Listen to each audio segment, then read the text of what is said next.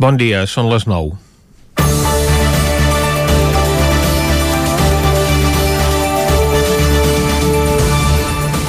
El Congrés dels Diputats va començar ahir la comissió d'investigació del cas Kitchen, que també està instruint l'Audiència Nacional sobre la corrupció, el Partit Popular i l'ús de mitjans del Ministeri de l'Interior per protegir dirigents del partit i tapar la seva corrupció al mateix temps que s'aprofitava per desprestigiar adversaris polítics. Un cas gravíssim que en un país mitjanament normal hagués provocat una successió de dimissions. L'extresorer del PP, Luis Bárcenas, poca cosa va voler declarar ahir des de Soto del Real, on està empresonat pel cas Gürtel, un altre relacionat amb la corrupció al partit però com que últimament està cantant a base de bé perquè se sent traït, sí que va voler revelar, atenent a la seva condició de víctima en aquesta comissió d'investigació, que ell mateix va gravar l'expresident del govern Mariano Rajoy com destruïa els fulls de la comptabilitat també del partit. Estem parlant de polítics que sembla que no en tenien prou amb el sou que rebien per ocupar un càrrec públic molt ben pagat i amb totes les prebendes que comporta, que s'havien de treure un sobresou en diner negre provinent de comissions per concessions que efectuaven les administracions que controlaven. De moment, la mateixa justícia que no va saber discernir qui era el senyor X del Gal, tampoc ha sabut desxifrar a qui corresponien els pagaments en negre del PP sota l'epígraf M. Rajoy, tot i que en principi el nom donaria moltes pistes. Mentre els aparells de l'Estat protegeixen disciplinadament els expresidents del govern de qualsevol delicte, sobreonen sobre l'adversari com es feia amb les víctimes de l'operació Kitchen. Només en el dia d'ahir es va saber que el Tribunal Suprem Superior de Justícia de Catalunya ha admès a tràmit la querella de la Fiscalia contra Roger Torrent i quatre membres més de la que fins fa quatre dies era la mesa del Parlament, tots ells independentistes. Se'ls acusa de desobediència per haver admès a tràmit una resolució de resposta a la sentència del procés que reiterava el compromís del Parlament amb la independència de Catalunya i el rebuig de la monarquia. Al Tribunal Superior de Justícia de, la, de Catalunya se li gira feina perquè també ahir el Tribunal Suprem va iniciar els tràmits per traspassar-li el cas dels contractes presumptament irregulars de Laura Borràs quan presidia la Institució de les Lletres Catalanes, ja que ha perdut l'aforament en deixar de ser diputada al Congrés. I també el Tribunal Constitucional rebutjava ahir el recurs d'empara que va presentar Carles Mundó contra la sentència del procés que el condemna per desobediència. L'exconseller Gorbatà, que va conèixer la resolució abans pels mitjans de comunicació per, per, que per via judicial, ja ha anunciat que recorrerà al Tribunal Europeu dels Drets Humans perquè considera la sentència injusta. Com sempre, la justícia s'ha de buscar a fora. Comencem Territori 17, a la sintonia del 9 FM, Ona Codinenca, Ràdio Cardedeu, La Veu de Sant Joan i el 9 TV. Territori 17, amb Vicenç Vigues i Jordi Sunyer.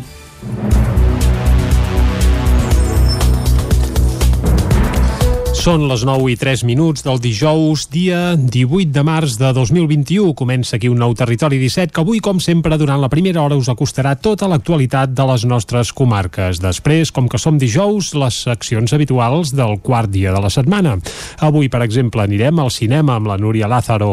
Recuperarem la secció d'Alegria Interior i PNL amb en Jordi Soler, que ens visita cada 15 dies aquí a Territori 17. I avui acabarem al punt de les 12 del migdia amb el racó de pensar amb la Maria López. Tot això i moltes coses més des d'ara mateix i fins a les 12 del migdia. I com sempre el fem ara és arrencar tot fent un repàs a l'actualitat de les nostres comarques, les comarques del Ripollès, Osona, el Moianès i el Vallès Oriental.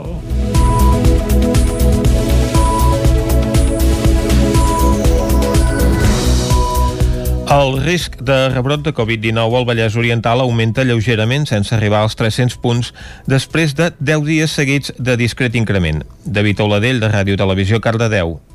Fins ahir el risc de rebrot va arribar als 263 punts. A la vegada la taxa de transmissió es posicionava al 1,06. Pel que fa als hospitals del Vallès, el de Sant Celoni segueix igual que la setmana passada, amb 5 ingressats positius. Però, en canvi, l'Hospital de Granollers ha hagut de lamentar aquesta setmana tres noves defuncions i quatre nous ingressos positius per Covid. Tot i així, la dada positiva del centre sanitari són les 19 altes que han pogut donar en una setmana. A més, l'Hospital General de Granollers acaba d'iniciar un estudi en l'àmbit estatal per la caracterització de les possibles reaccions cutànies que es puguin donar darrere l'administració de les diferents vacunes contra la Covid-19. El principal objectiu de l'estudi és descriure millor aquestes reaccions cutànies i la seva possible relació amb les vacunes i analitzar la cronologia de la reacció i la seva eventual relació amb els antecedents del pacient. Pocs canvis en la situació epidemiològica als hospitals d'Osona. La xifra d'ingressats per Covid-19 es manté per sota de 50 i puja una persona respecte a la setmana anterior. Ara n'hi ha 48. L'augment es produeix a l'Hospital Universitari de Vic, que té 43 persones ingressades, una més que la setmana passada. La bona notícia és que del 16 que hi havia cures intensives s'ha baixat fins a 11. A l'Hospital de la Santa Creu s'hi mantenen 5 ingressats, mentre que l'Hospital Sant Jaume de Manlleu continua sense pacients amb infecció activa. Pel que fa a les dades del Departament de Salut, s'arriba als 16.500 contagis i es manté l'augment de més de 450 per setmana. Pel que fa a les defuncions, la xifra passa de 620 a 626, un augment de 6 persones. El número de vacunacions ha frenat lleugerament com a tot el país, però ja s'ha arribat a les 12.600 persones amb la primera dosi, gairebé 1.800 persones més que fa una setmana. La segona dosi ja s'ha administrat a més de 4.700 persones, 447 més que la setmana passada. A instàncies del Procicat i per l'elevada incidència de la Covid-19 al municipi les últimes setmanes, l'Ajuntament de Sant Pere de Torelló ha aplicat mesures extres per prevenir el risc de contagi. A primera hora d'aquest dimecres, els parcs i les pistes del municipi ja estaven tancats. S'hi prohibeix l'accés durant una setmana i fins dimecres que ve tampoc funcionaran els equipaments esportius municipals. Es tanquen el gimnàs i la piscina i també se suspenen durant aquests vuit dies les activitats extraescolars. A les oficines de l'Ajuntament es treballa porta tancada i per acudir-hi cal demanar cita prèvia. Es volen evitar així trobades socials al carrer que s'ha detectat que estan actuant com a focus de contagi al costat de les reunions familiars. Els Mossos d'Esquadra s'hi increment, incrementaran perdoneu, la vigilància. Ho explica Jordi Fabrega, alcalde de Sant Pere de Torelló. S'ha pogut comprovar que tot ve per temes de relació social. Bàsicament, quan xerrem en el carrer, quan xerrem a les places, quan conversem i que estem molta estona parlant, eh, en, també en el marc de casa nostra, quan fem un dinar amb altra gent que no sigui només el nucli estrictament de convivència d'aquell habitatge, tots aquests factors són determinants a l'hora de transmetre-ho. I som conscients que és molt carregós, que és molt pesat, que la gent està esgotadíssima, que totes i tots estem molt cansats, però, ostres, tots els esforços eh, són necessaris per intentar contenir, no? perquè aquí ens hi juguem la salut de les persones. A Sant Pere, que té uns 2.400 habitants, s'hi han detectat 45 casos de Covid-19 en 7 dies. L'índex de risc s'acosta als 6.400 punts i la taxa de reproducció a 3. Un escut que protegeixi la roba del coronavirus i alhora la faci reutilitzable.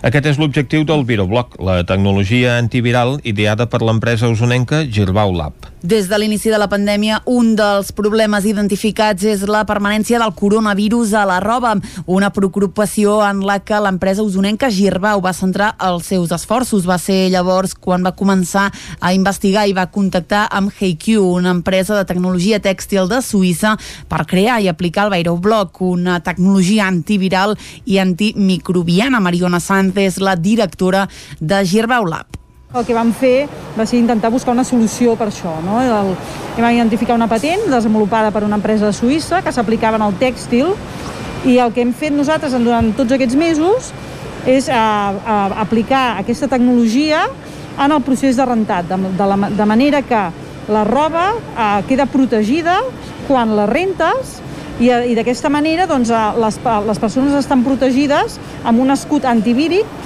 D'aquesta manera s'impedeix que el virus s'impregni a la roba, una tecnologia que ja està implementant el Consorci Hospitalari de Vic a través de la bugaderia La Calandra, on es renta la roba dels hospitals i serveis del Consorci. Jaume Castellano és el director de serveis del Consorci Hospitalari de Vic. Si aquest, funció, aquest tractament ens funciona, estem donant un EPI més de protecció, perquè la roba, l'uniforme que porten normalment els professionals, està impregnada d'aquesta substància que els protegeix enfront dels virus i les bactèries. A part d'això, ens ajuda molt a, a respectar més el medi ambient.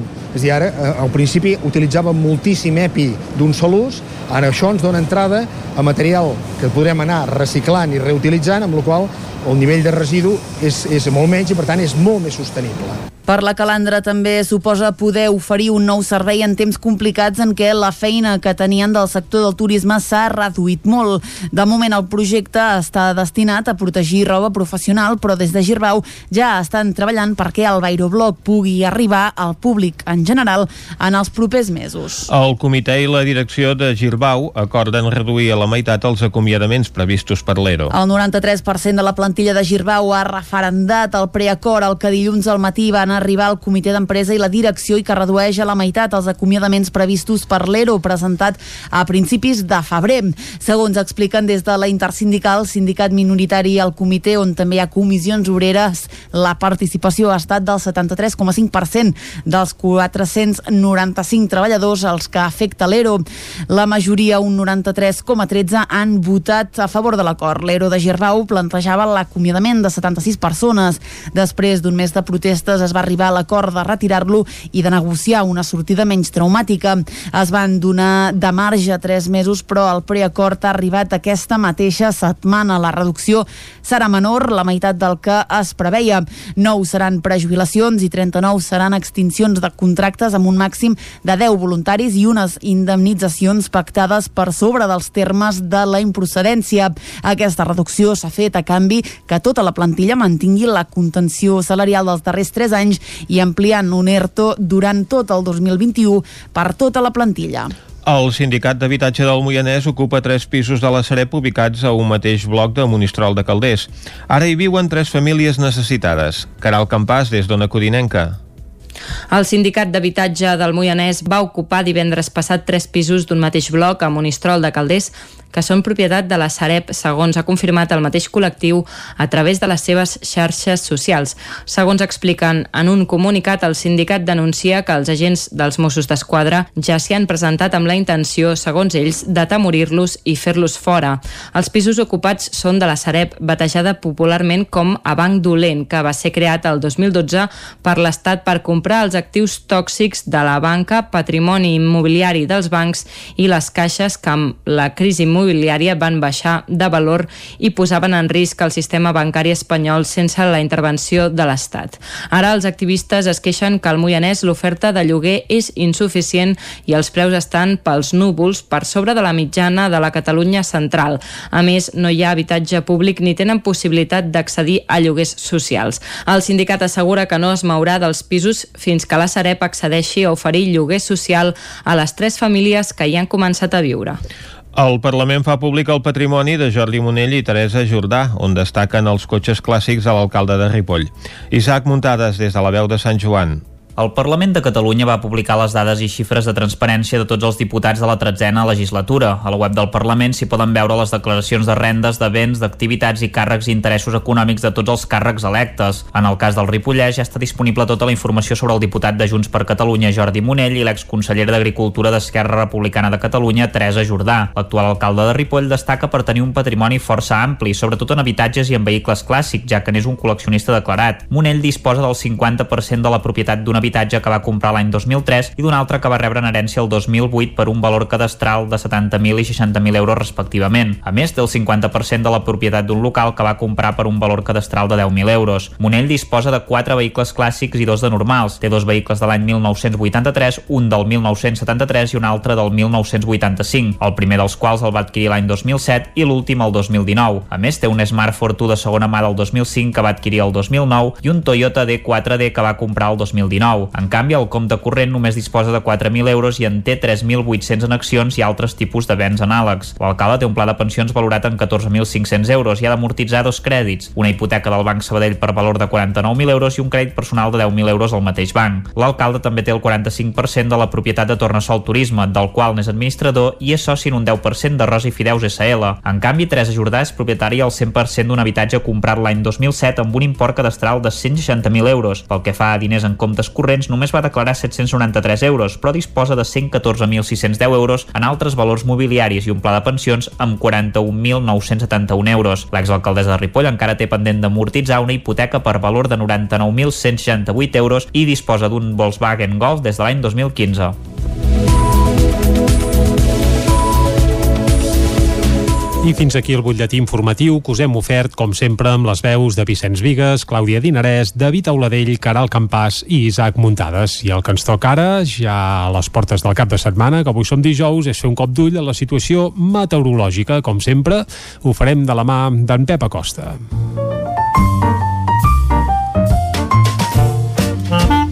Casa Terradellos us ofereix el temps. I en Pep Acosta ens explicarà si el vent amb el qual ens hem llevat avui seguirà i, a més a més, si vindran pluges o no, perquè fa uns dies que ens alerta que avui i sobretot demà s'acosta una espècie de front, però ens ho explicarà ell de seguida. Pep, va, bon dia. Hola, què tal? Bon dia, bon dia. Molt bon dia a tots. Què tal esteu? Bé, bé, bé. Escassos dos dies de la primavera. Mm -hmm, ja ho uh, sembla que meteorològicament parlant torna l'hivern amb força. Mm -hmm. Atenció, avui les mínimes han baixat a 9, 10 sota 0, zona 8 de Ter, Puigmal, la zona més freda de les nostres comarques, 10, 11 sota 0 a les parts més altes, però també hi ha hagut glaçades al Montseny, a les principals muntanyes de, de les Guilleries, de Transversal, i també a zones poblades, eh? A zones poblades de Ripollès, als Jocs més Freds del Mollanès, d'Osona, Déu-n'hi-do, déu nhi déu quin entrada d'aire fred de nord que estem tenint, eh, que comença, que comença, que comença eh, a les nostres comarques i que durarà, sembla, uns quants dies. Mm -hmm. Però clar, hi ha moltes hores de sol. Uh, per tant, quan toqui el sol, uh, uh, el sol relativament sí bé. estarà bastant, bastant bé. Però bueno, anem a pams, anem a pams, eh?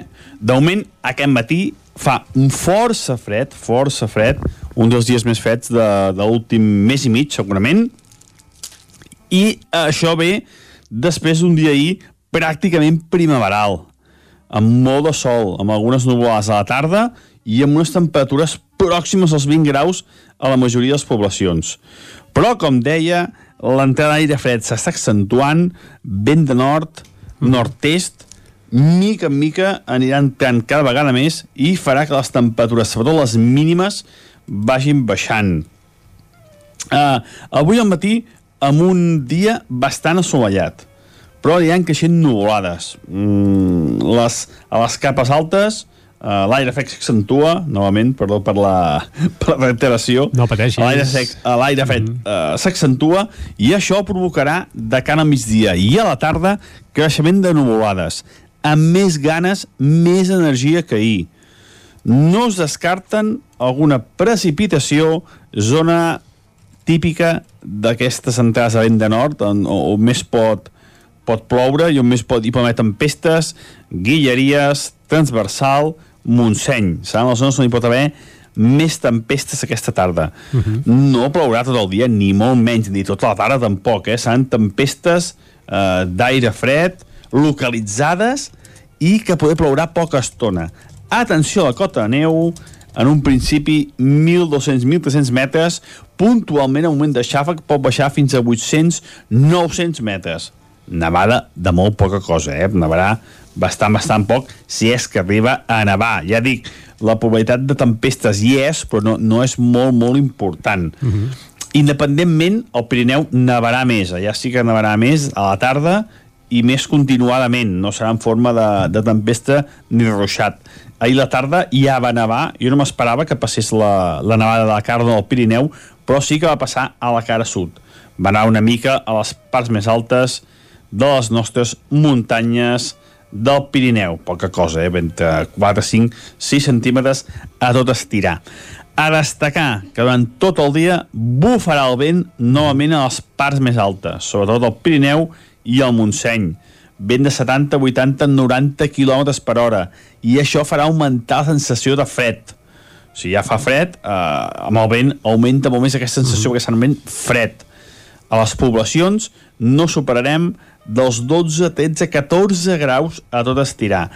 Moltes gràcies i fins demà. Adeu. Va, Pep, moltes gràcies a tu i Vicenç, ens haurem d'abrigar per anar cap al quiosc, eh? Doncs sí. No que la cosa ha refrescat. Ah, exacte. Torna l'hivern. doncs vinga, ben abrigadets, una pausa i de seguida coneixerem què diuen les portades de la premsa d'avui aquí a Territori 17. Fins ara mateix. Casa Tarradellas us ha ofert aquest espai. Territori 17. Envia'ns les teves notes de veu per WhatsApp al 646 079 023. 646 079 023. WhatsApp Territori 17.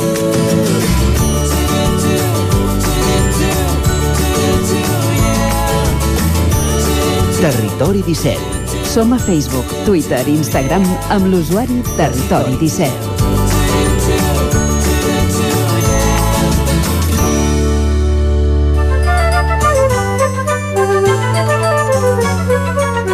Arriba l'hora d'anar cap al quiosc i veure què treuen en portat els diaris d'avui, Clàudia. Bon dia de nou. Comencem, com sempre, amb el punt avui que diu doble avís. El Tribunal Superior de Justícia de Catalunya admet la querella contra Torrent i l'anterior mesa del Parlament. A la imatge qui veiem és a Joan Laporta. Diu hem de tornar a guanyar i guanyar bé. I el passaport Covid serà gratuït i funcionarà amb codi QR. Anem al diari Ara, que diu la vacunació també redueix els contagis. Les vacunes van millor del que s'esperava i resulten més eficaces que les de la grip. Tornem a veure a Joan Laporta, ja president del Barça, que diu busca la complicitat de Leo Messi. En política, la CUP pressiona Esquerra i Junts per Catalunya per tancar un acord. El periòdico La Unió Europea desencalla el passaport de vacunació per aquest estiu. A la imatge diu drama perpetu. Hospitalitzades 10 de les 52 persones, moltes d'elles dones i nens, rescatades d'una pastera a 15 quilòmetres de Gran Canària i el col·lapse judicial retarda fins a 4 anys la vista d'ERTOs i de comiats. I a l'avantguàrdia, la Unió Europea activarà a l'estiu el passaport Covid per facilitar la mobilitat. El document serà de franc i avalarà que l'usuari està vacunat o que té un test del virus negatiu. A la imatge Biden diu no vingueu als Estats Units i la campanya madrilenya eleva la crispació al Congrés. Anem, si us sembla, a les portades de Madrid. Comencem, com sempre, amb el país que diu la política s'enfanga davant la batalla electoral per Madrid. Sánchez i Casado s'acusen de corrupció i voregen el debat de la pandèmia. A la imatge angustiós rescat d'una patera. És exactament el titular que llegíem ara fa un moment. Acabem amb un últim titular que diu l'executiu promet a la Unió Europea tallar l'ocupació pública temporal. Avancem i anem al Mundo que diu les fugues deixen sense grup al Senat i trencat al Congrés a Ciutadans. A la imatge moció fallida a Múrcia i Colau ja va ser advertida l'any 2016 per subvencionar a associacions de la seva afinitat. Anem a la raó que diu Arrimadas a la juga i mantindrà Aguado a Madrid. La direcció creu que no és moment d'obrir un altre front per canviar de candidat. Vox aconsegueix el pin parental a canvi de tombar la moció de Múrcia i a la imatge que hi veiem és a Pablo, Pablo Iglesias. Diu l'escó que val un aforament. I acabem amb l'ABC que diu nou fiasco del PSOE a Múrcia. Els discurs de Vox no accepten la seva oferta. Els negociadors socialistes i de Ciutadans van arribar a oferir a la desesperada rebaixar la seva oposició al PIN parental. A la part inferior de la portada parla d'una guerra oberta al Regne Unit. Diu la Unió Europea amenaça amb prohibir l'exportació de vacunes. La presidenta de la Comissió Europea vol garantir el subministrament de les dosis fabricades a Europa. El diari ABC és l'únic dels diaris editats a Madrid on destaca la seva portada aquesta situació a conseqüència de les vacunes de la Covid-19 perquè ens trobem una mica com passava ahir. Els diaris de Barcelona doncs, més centrats en les conseqüències d'aquesta crisi sanitària amb les vacunes d'Oxford doncs, que s'estan investigant si provoquen trombosis o no i els problemes doncs, de subministrament subministrament que això genera per immunitzar la població, en canvi els diaris de Madrid doncs, més centrats en l'actualitat política, en aquesta moció de censura que ha fracassat a Murci, que va ser el desencadenant de que a Madrid la presidenta Isabel Díaz Ayuso convoqués eleccions pel 4 de maig i això ha provocat un terratrèmol polític a la capital de l'Estat amb la sortida del govern del vicepresident Pablo Iglesias que serà el candidat de Unidas Podemos a la Comunitat de Madrid. Iglesias apareix a la portada de la Razón arran doncs, a la possibilitat que la seva sortida com a parlamentari al Congrés doncs, li faci perdre la immunitat i a partir d'aquí l'Audiència Nacional doncs, el pugui processar en la investigació del cas Dina hi ha també imatges doncs, d'aquesta doncs, moció de censura a Múrcia, on hi veiem doncs, la candidata a la presidència de Ciutadans, que finalment doncs, no, no serà, bé consolada per la seva parella o bé conversant amb el candidat del Partit Socialista. En el país apareix una fotografia d'un membre de la Creu Roja assistint a una nena de 5 anys amb una parada cardiorrespiratòria a Gran Canària, on va arribar aquesta pastera, és un tema doncs, que també protagonitza la portada del periòdico. Pel que fa a l'avantguàrdia, veiem dues persones creuant un riu a Ciutat Juárez per mirar d'arribar als Estats Units i el punt avui i a l'ara, la fotografia destacada de portada, doncs la dediquen al president del Barça, Joan Laporta, que ahir a la tarda va prendre possessió. Si et sembla, Jordi, aprofitant sí. aquesta circumstància, podríem fer un repàs també als titulars de, de la, la premsa, premsa esportiva. esportiva. Exacte, a Barcelona marcada per la porta, la de Madrid, en canvi, parlen de, de funeral perquè l'Atlètic ja no serà a la Champions, eh? Exacte. En Cigalats és el titular de l'esportiu. Que bonic. la porta president, el de Mundo Deportivo, il·lusió el de l'esport, també lògicament amb una imatge del president del Barça en la seva locució d'ahir i la marca i l'AS doncs, eh, dediquen la seva portada a l'eliminació europea de l'Atlètic de Madrid, funeral a Londres, diu l'AS, i tota la Lliga és el titular del Marca. Hem fet un repàs al que destaca la premsa d'avui, la premsa d'informació general i la premsa esportiva en aquesta jornada doncs, també rellevant en matèria esportiva com és la que va ser ahir. Després d'aquest repàs als titulars de l'actualitat, arriba l'hora de posar punt i final a aquest bloc informatiu. Doncs el que farem ara, després de fer aquest repàs a la premsa, és fer una petita pausa i a dos quarts en punt tornem de nou aquí a Territori 17 acostant-vos tota l'actualitat de les nostres comarques. Fins ara. El nou FM, la ràdio de casa, al 92.8. Bigatans i gent dels voltants, Mercat del Ram, pandèmia. Eh, que ho veieu que no funciona? No ens podem permetre aquelles aglomeracions per anar a veure l'últim model de cossatjadora. Però pots venir al Parc Jaume Balmes on hi trobaràs productes alimentaris de la comarca i la Fira d'Artesania. Mercat del Ram, 26, 27 i 28 de març. Per a més informació, descarrega't l'app del Mercat i consulta les activitats i els horaris. Pepeta Vilaró, menjar a domicili per a gent gran. Menús saludables i adaptats segons les seves necessitats. Per viure més temps a casa amb millor salut i qualitat de vida.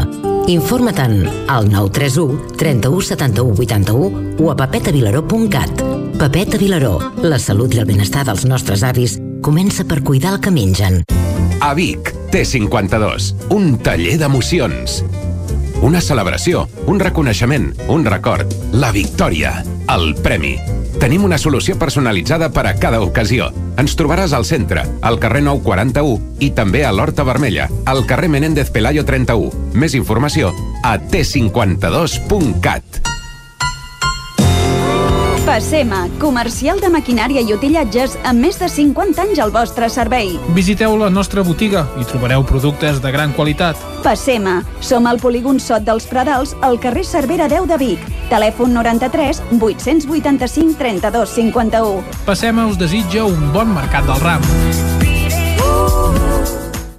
Anuncia't al 9FM. La màquina de casa. 9 3 8 8 9 4 9 4 9. Publicitat arroba al 9FM.cat. Anuncia't al 9FM. La publicitat més eficaç. Vine a Autoscola Montseny i t'informarem de les nostres ofertes. Permís de moto 16 anys amb 4 pràctiques des de 399 euros. Permís de moto 18 anys amb 4 pràctiques des de 425 euros. Permís de cotxe amb 10 pràctiques des de 460 euros. I si vens amb un amic, et regalem una pràctica. Per més informació, Autoscola Montseny, a la Rambla de Vallades 13, primer segona de Vic, al telèfon 93 885 45 88 i també a Facebook i Instagram. Autoscola Montseny us desitja un bon mercat del ram. Quin valor té l'aigua per tu? Per beure, per dutxar-me, per cuinar, per fer energia, per regar l'hortet, perquè baixin ben plens els rius, per fer bombolles, per banyar-me al mar, per refrescar-me. per tenir uns boscos preciosos. L'aigua és vida i ens dóna vida, i sense aigua no hi ha res. 22 de març, Dia Mundial de l'Aigua. Donem-li el valor que es mereix. Aigües Vic, el valor de l'aigua. La ràdio de casa al 92.8. El 9 FM.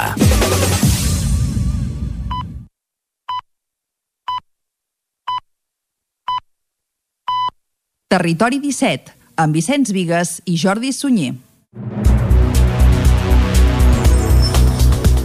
Dos quarts de deu en punt d'avui dijous, dia 18 de març de 2021. Seguim en directe aquí a Territori 17 i de seguida us acostarem altra vegada tota l'actualitat de les nostres comarques. Després, a partir de les 10, més informació amb un nou butlletí. Després també anirem a l'entrevista, avui per conèixer tots els detalls del Festival Ressona, que es durà a terme a Cardedeu aquests propers dies, un festival de música clàssica.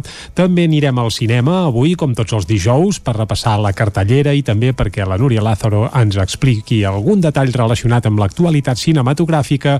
Ens visitarà en Jordi Soler per alegrar-nos interiorment i avui també anirem d'excursió a la Roca del Vallès, al Descobrint Catalunya. Després anirem amb tren a la R3 i acabarem amb el racó de pensar amb Maria López. Tot això des d'ara mateix i fins a les 12 del migdia. I el que toca ara és acostar-vos de nou l'actualitat de les nostres comarques. Ja ho sabeu, les comarques del Ripollès, Osona, el Moianès i el Vallès Oriental.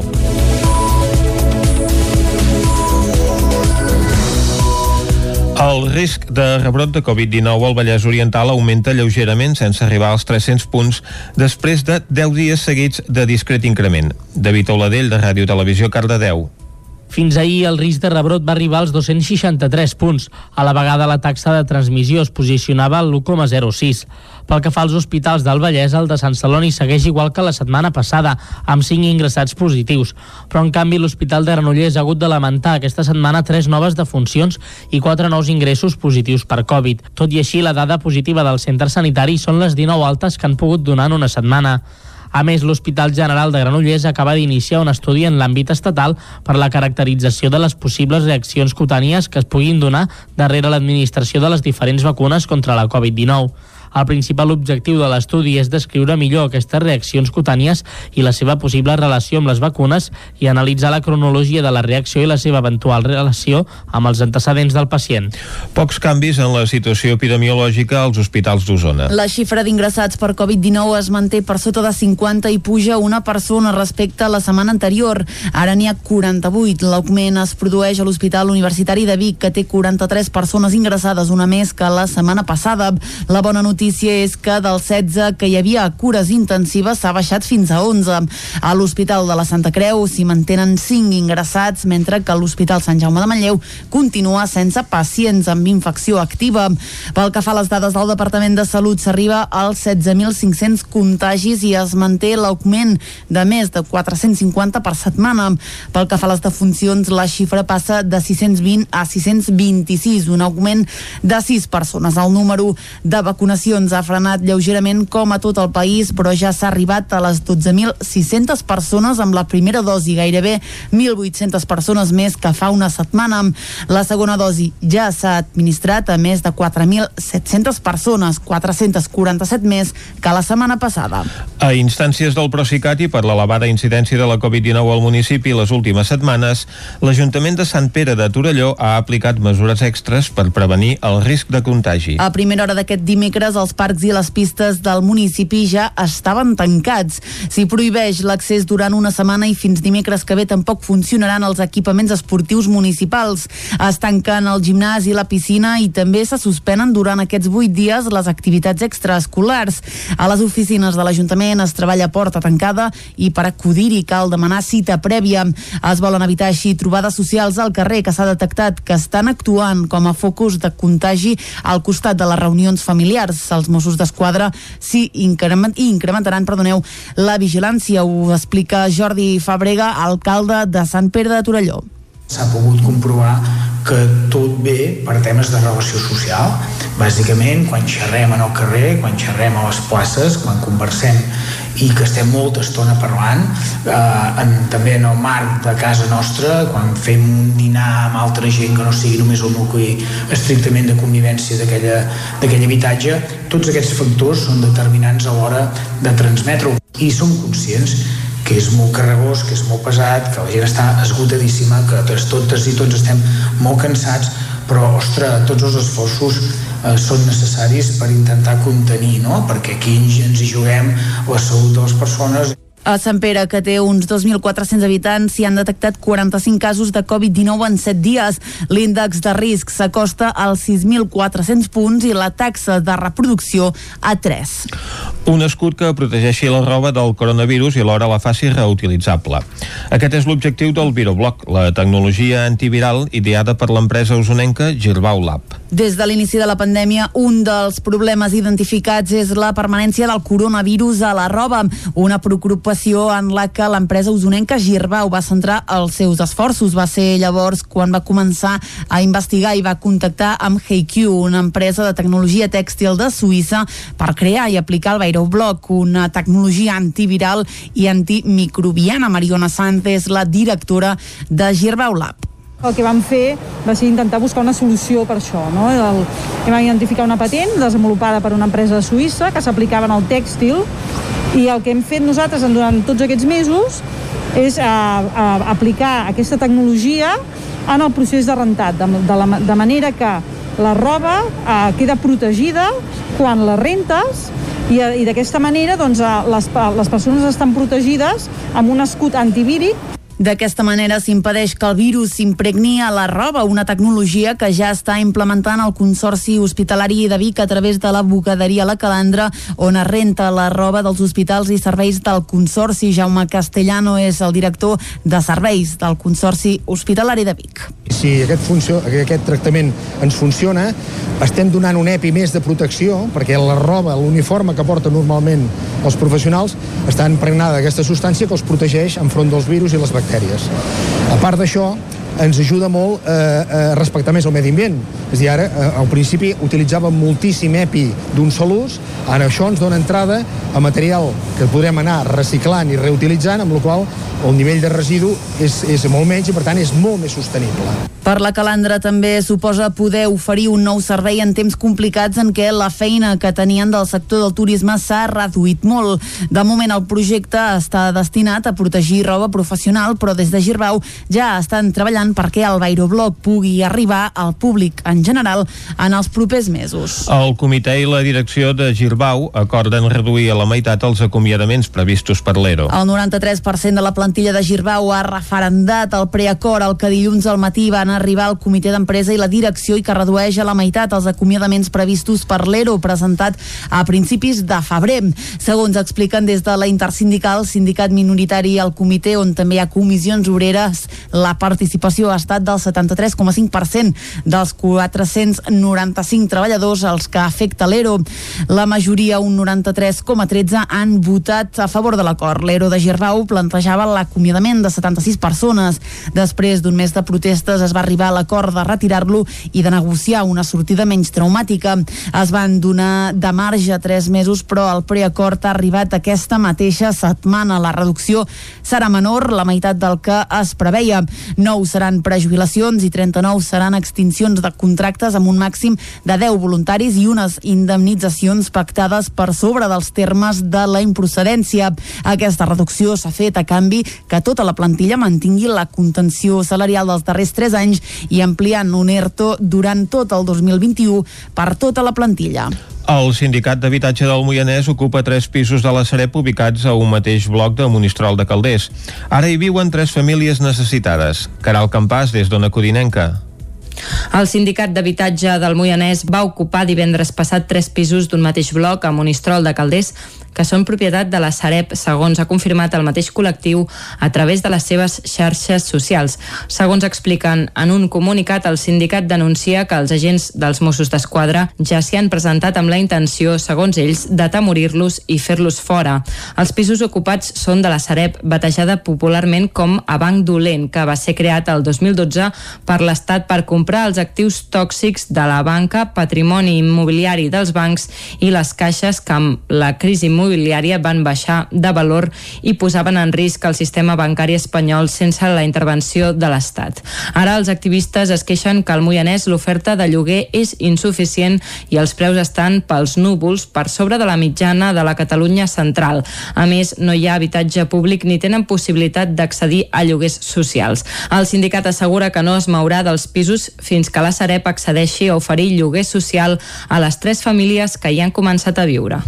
El Parlament fa públic el patrimoni de Jordi Monell i Teresa Jordà, on destaquen els cotxes clàssics de l'alcalde de Ripoll. Isaac Muntades, des de la veu de Sant Joan. El Parlament de Catalunya va publicar les dades i xifres de transparència de tots els diputats de la tretzena legislatura. A la web del Parlament s'hi poden veure les declaracions de rendes, de béns, d'activitats i càrrecs i interessos econòmics de tots els càrrecs electes. En el cas del Ripollès ja està disponible tota la informació sobre el diputat de Junts per Catalunya, Jordi Monell, i l'exconsellera d'Agricultura d'Esquerra Republicana de Catalunya, Teresa Jordà. L'actual alcalde de Ripoll destaca per tenir un patrimoni força ampli, sobretot en habitatges i en vehicles clàssics, ja que n'és un col·leccionista declarat. Monell disposa del 50% de la propietat d'un habitatge que va comprar l'any 2003 i d'un altre que va rebre en herència el 2008 per un valor cadastral de 70.000 i 60.000 euros respectivament. A més, té el 50% de la propietat d'un local que va comprar per un valor cadastral de 10.000 euros. Monell disposa de 4 vehicles clàssics i dos de normals. Té dos vehicles de l'any 1983, un del 1973 i un altre del 1985, el primer dels quals el va adquirir l'any 2007 i l'últim el 2019. A més, té un Smart Fortwo de segona mà del 2005 que va adquirir el 2009 i un Toyota D4D que va comprar el 2019. En canvi, el compte corrent només disposa de 4.000 euros i en té 3.800 en accions i altres tipus de béns anàlegs. L'alcalde té un pla de pensions valorat en 14.500 euros i ha d'amortitzar dos crèdits, una hipoteca del Banc Sabadell per valor de 49.000 euros i un crèdit personal de 10.000 euros al mateix banc. L'alcalde també té el 45% de la propietat de Tornassol Turisme, del qual n'és administrador i és soci en un 10% de Rosa i Fideus SL. En canvi, Teresa Jordà és propietària al 100% d'un habitatge comprat l'any 2007 amb un import cadastral de 160.000 euros. Pel que fa a diners en comptes corrents, només va declarar 793 euros, però disposa de 114.610 euros en altres valors mobiliaris i un pla de pensions amb 41.971 euros. L'exalcaldessa de Ripoll encara té pendent d'amortitzar una hipoteca per valor de 99.168 euros i disposa d'un Volkswagen Golf des de l'any 2015. I fins aquí el butlletí informatiu que us hem ofert, com sempre, amb les veus de Vicenç Vigues, Clàudia Dinarès, David Auladell, Caral Campàs i Isaac Muntades. I el que ens toca ara, ja a les portes del cap de setmana, que avui som dijous, és fer un cop d'ull a la situació meteorològica. Com sempre, ho farem de la mà d'en Pep Acosta.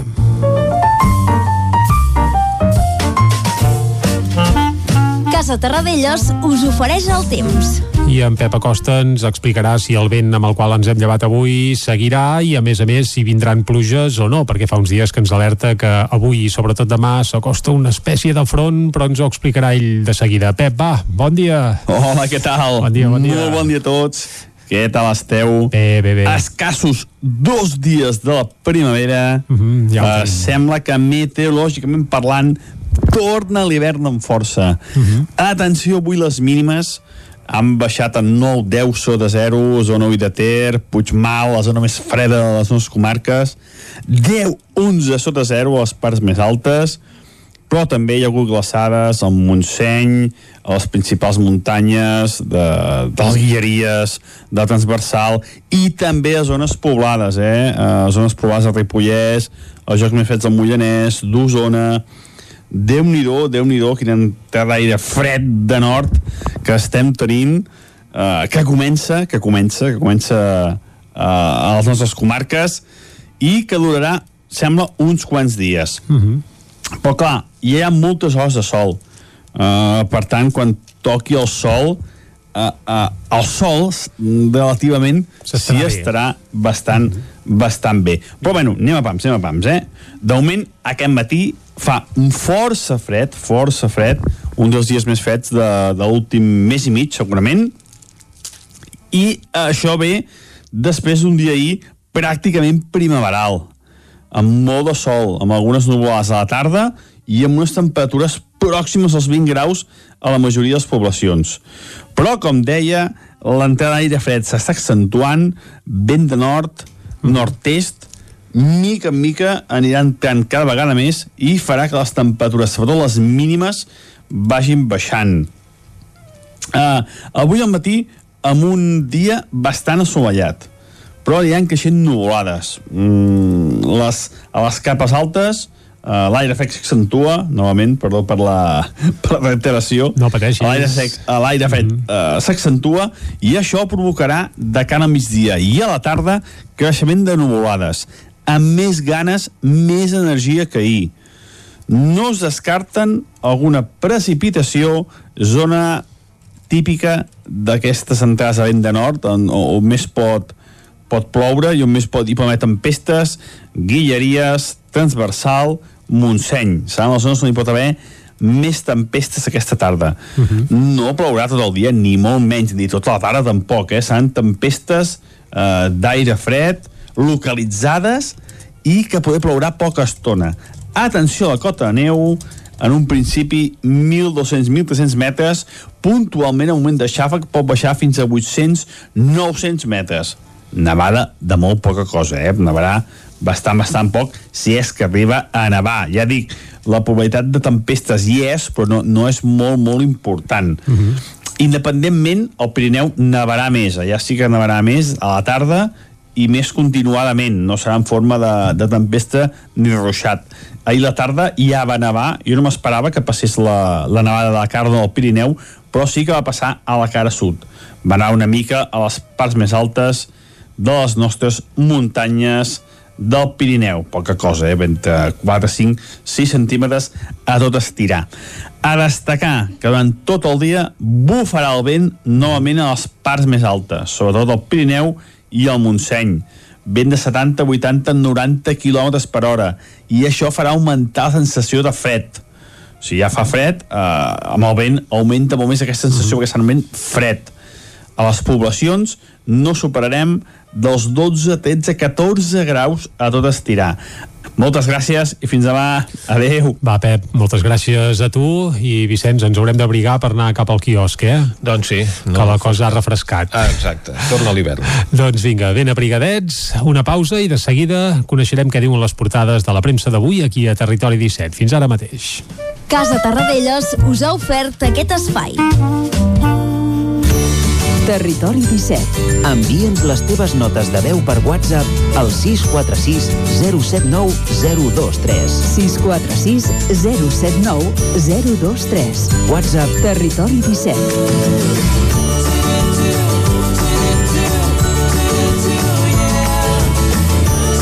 Territori 17.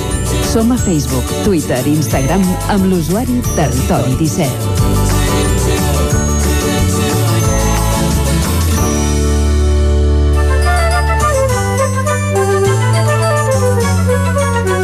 Arriba l'hora d'anar cap al quiosc i veure què treuen en portat els diaris d'avui, Clàudia. Bon dia de nou. Comencem, com sempre, amb el punt avui que diu doble avís. El Tribunal Superior de Justícia de Catalunya admet la querella contra Torrent i l'anterior mesa del Parlament. A la imatge qui veiem és a Joan Laporta. Diu hem de tornar a guanyar i guanyar bé. I el passaport Covid serà gratuït i funcionarà amb codi QR. Anem al diari Ara, que diu la vacunació també redueix els contagis. Les vacunes van millor del que s'esperava i resulten més eficaces que les de la grip. Tornem a veure a Joan Laporta, ja president del Barça, que diu busca la complicitat de Leo Messi.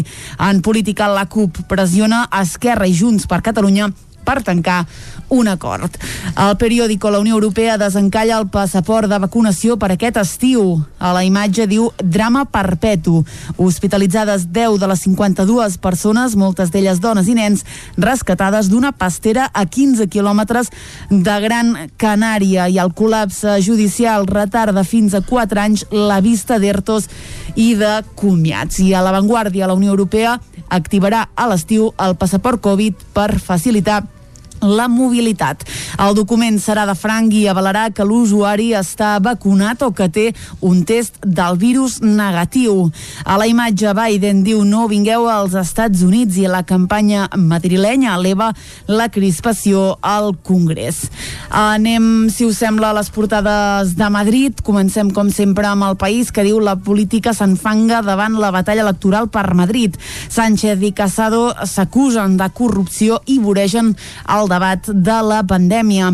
A la imatge angustiós rescat d'una patera és exactament el titular que llegíem ara fa un moment. Acabem amb un últim titular que diu l'executiu promet a la Unió Europea tallar l'ocupació pública temporal.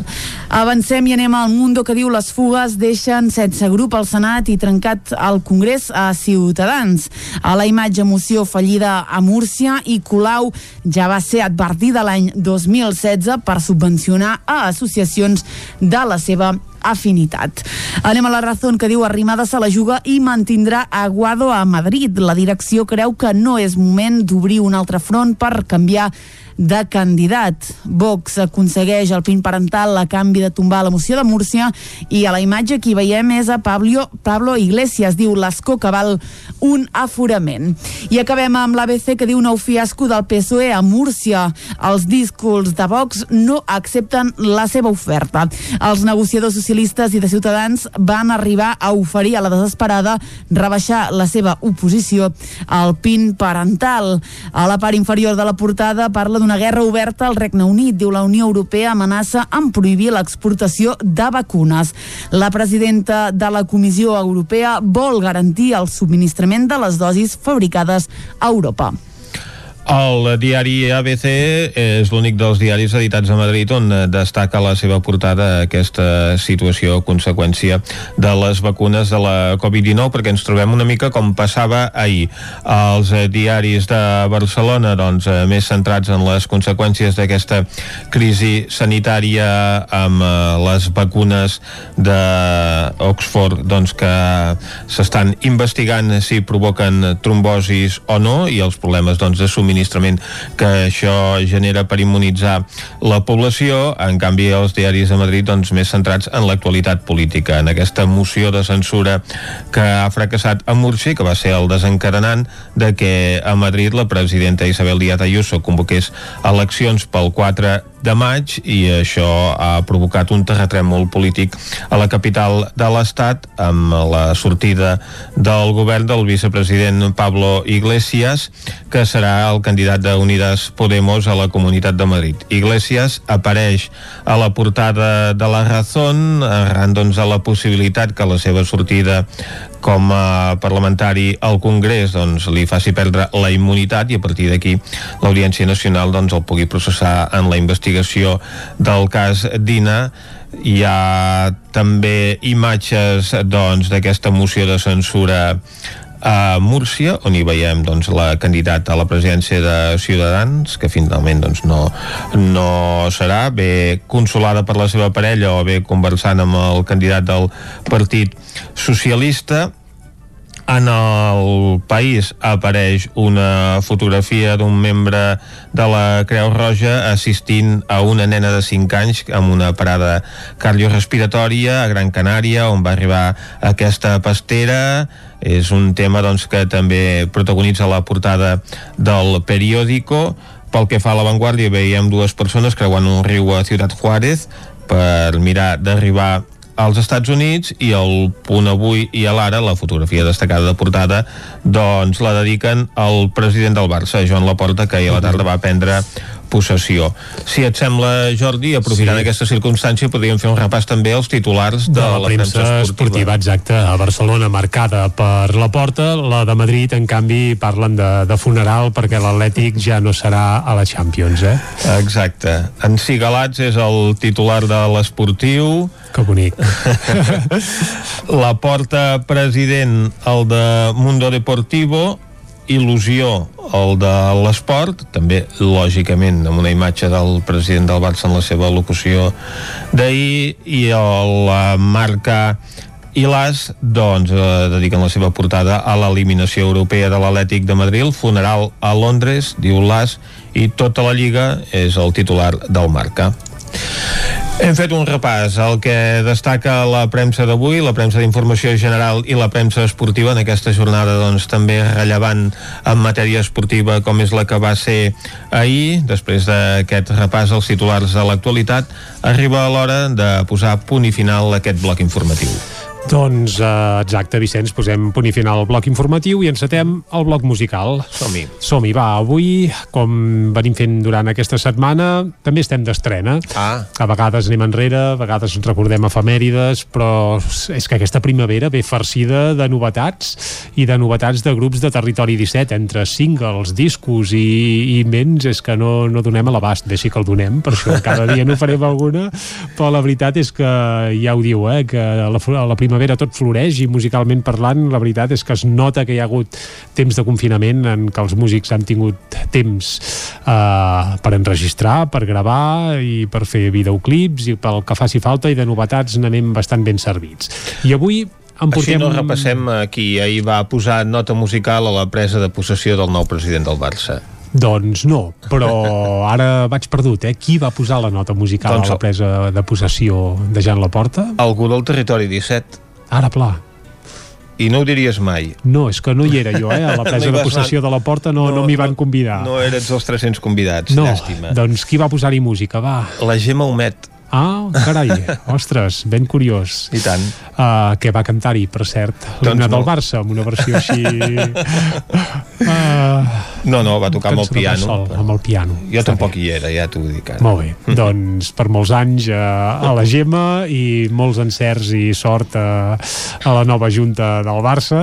Ja però bé, no parlem del Barça uh -huh. uh, anem a parlar de, de música, va, i el que portem avui és una novetat que s'estrena avui mateix i és una versió en acústic eh, de la cançó Puro Soñador. Qui és l'autor d'aquesta cançó Puro Soñador? Doncs resulta que a Vic i a Santa Maria d'Oló, és a dir, un grup 100% territori 17, perquè és uh -huh. mig eh, biguetà i mig eh, moianès, doncs hi ha una banda que es diuen Eco. És un grup de rock dur uh, d'aquell de tota la vida, rock clàssic, rock urbà, uh, segueixen l'estela de bandes com Suaves, com Marea, com Barricada, bé, una mica per aquesta zona on gairebé no hi circula ningú, doncs sí, encara hi ha, hi ha grups que, que són d'aquesta corda, i uh, aquesta banda que ja porta uns quants discos editats, per cert, l'any passat va editar Desbocados, el seu uh -huh. tercer ja disc uh, editat, i d'aquesta cançó Desbocados doncs n'han fet ara una versió acústica per enregistrar-la se'n van anar cap a la riba del pantà de Sau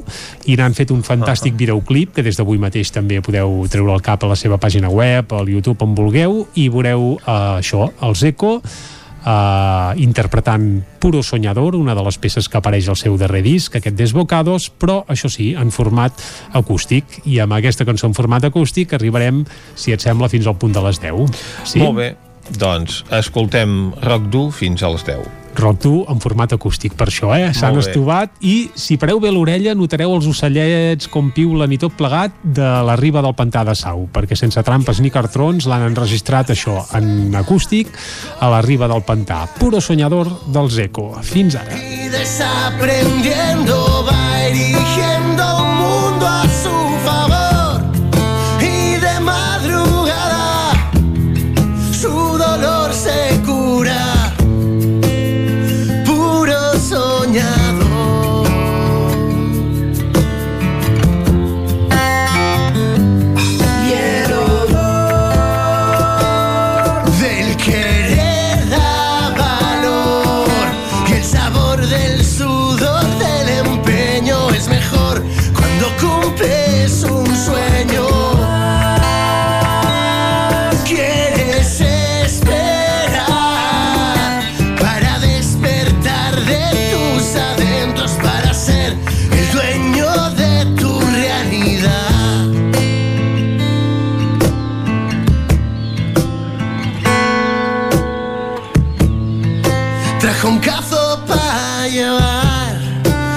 a todos sus incendios.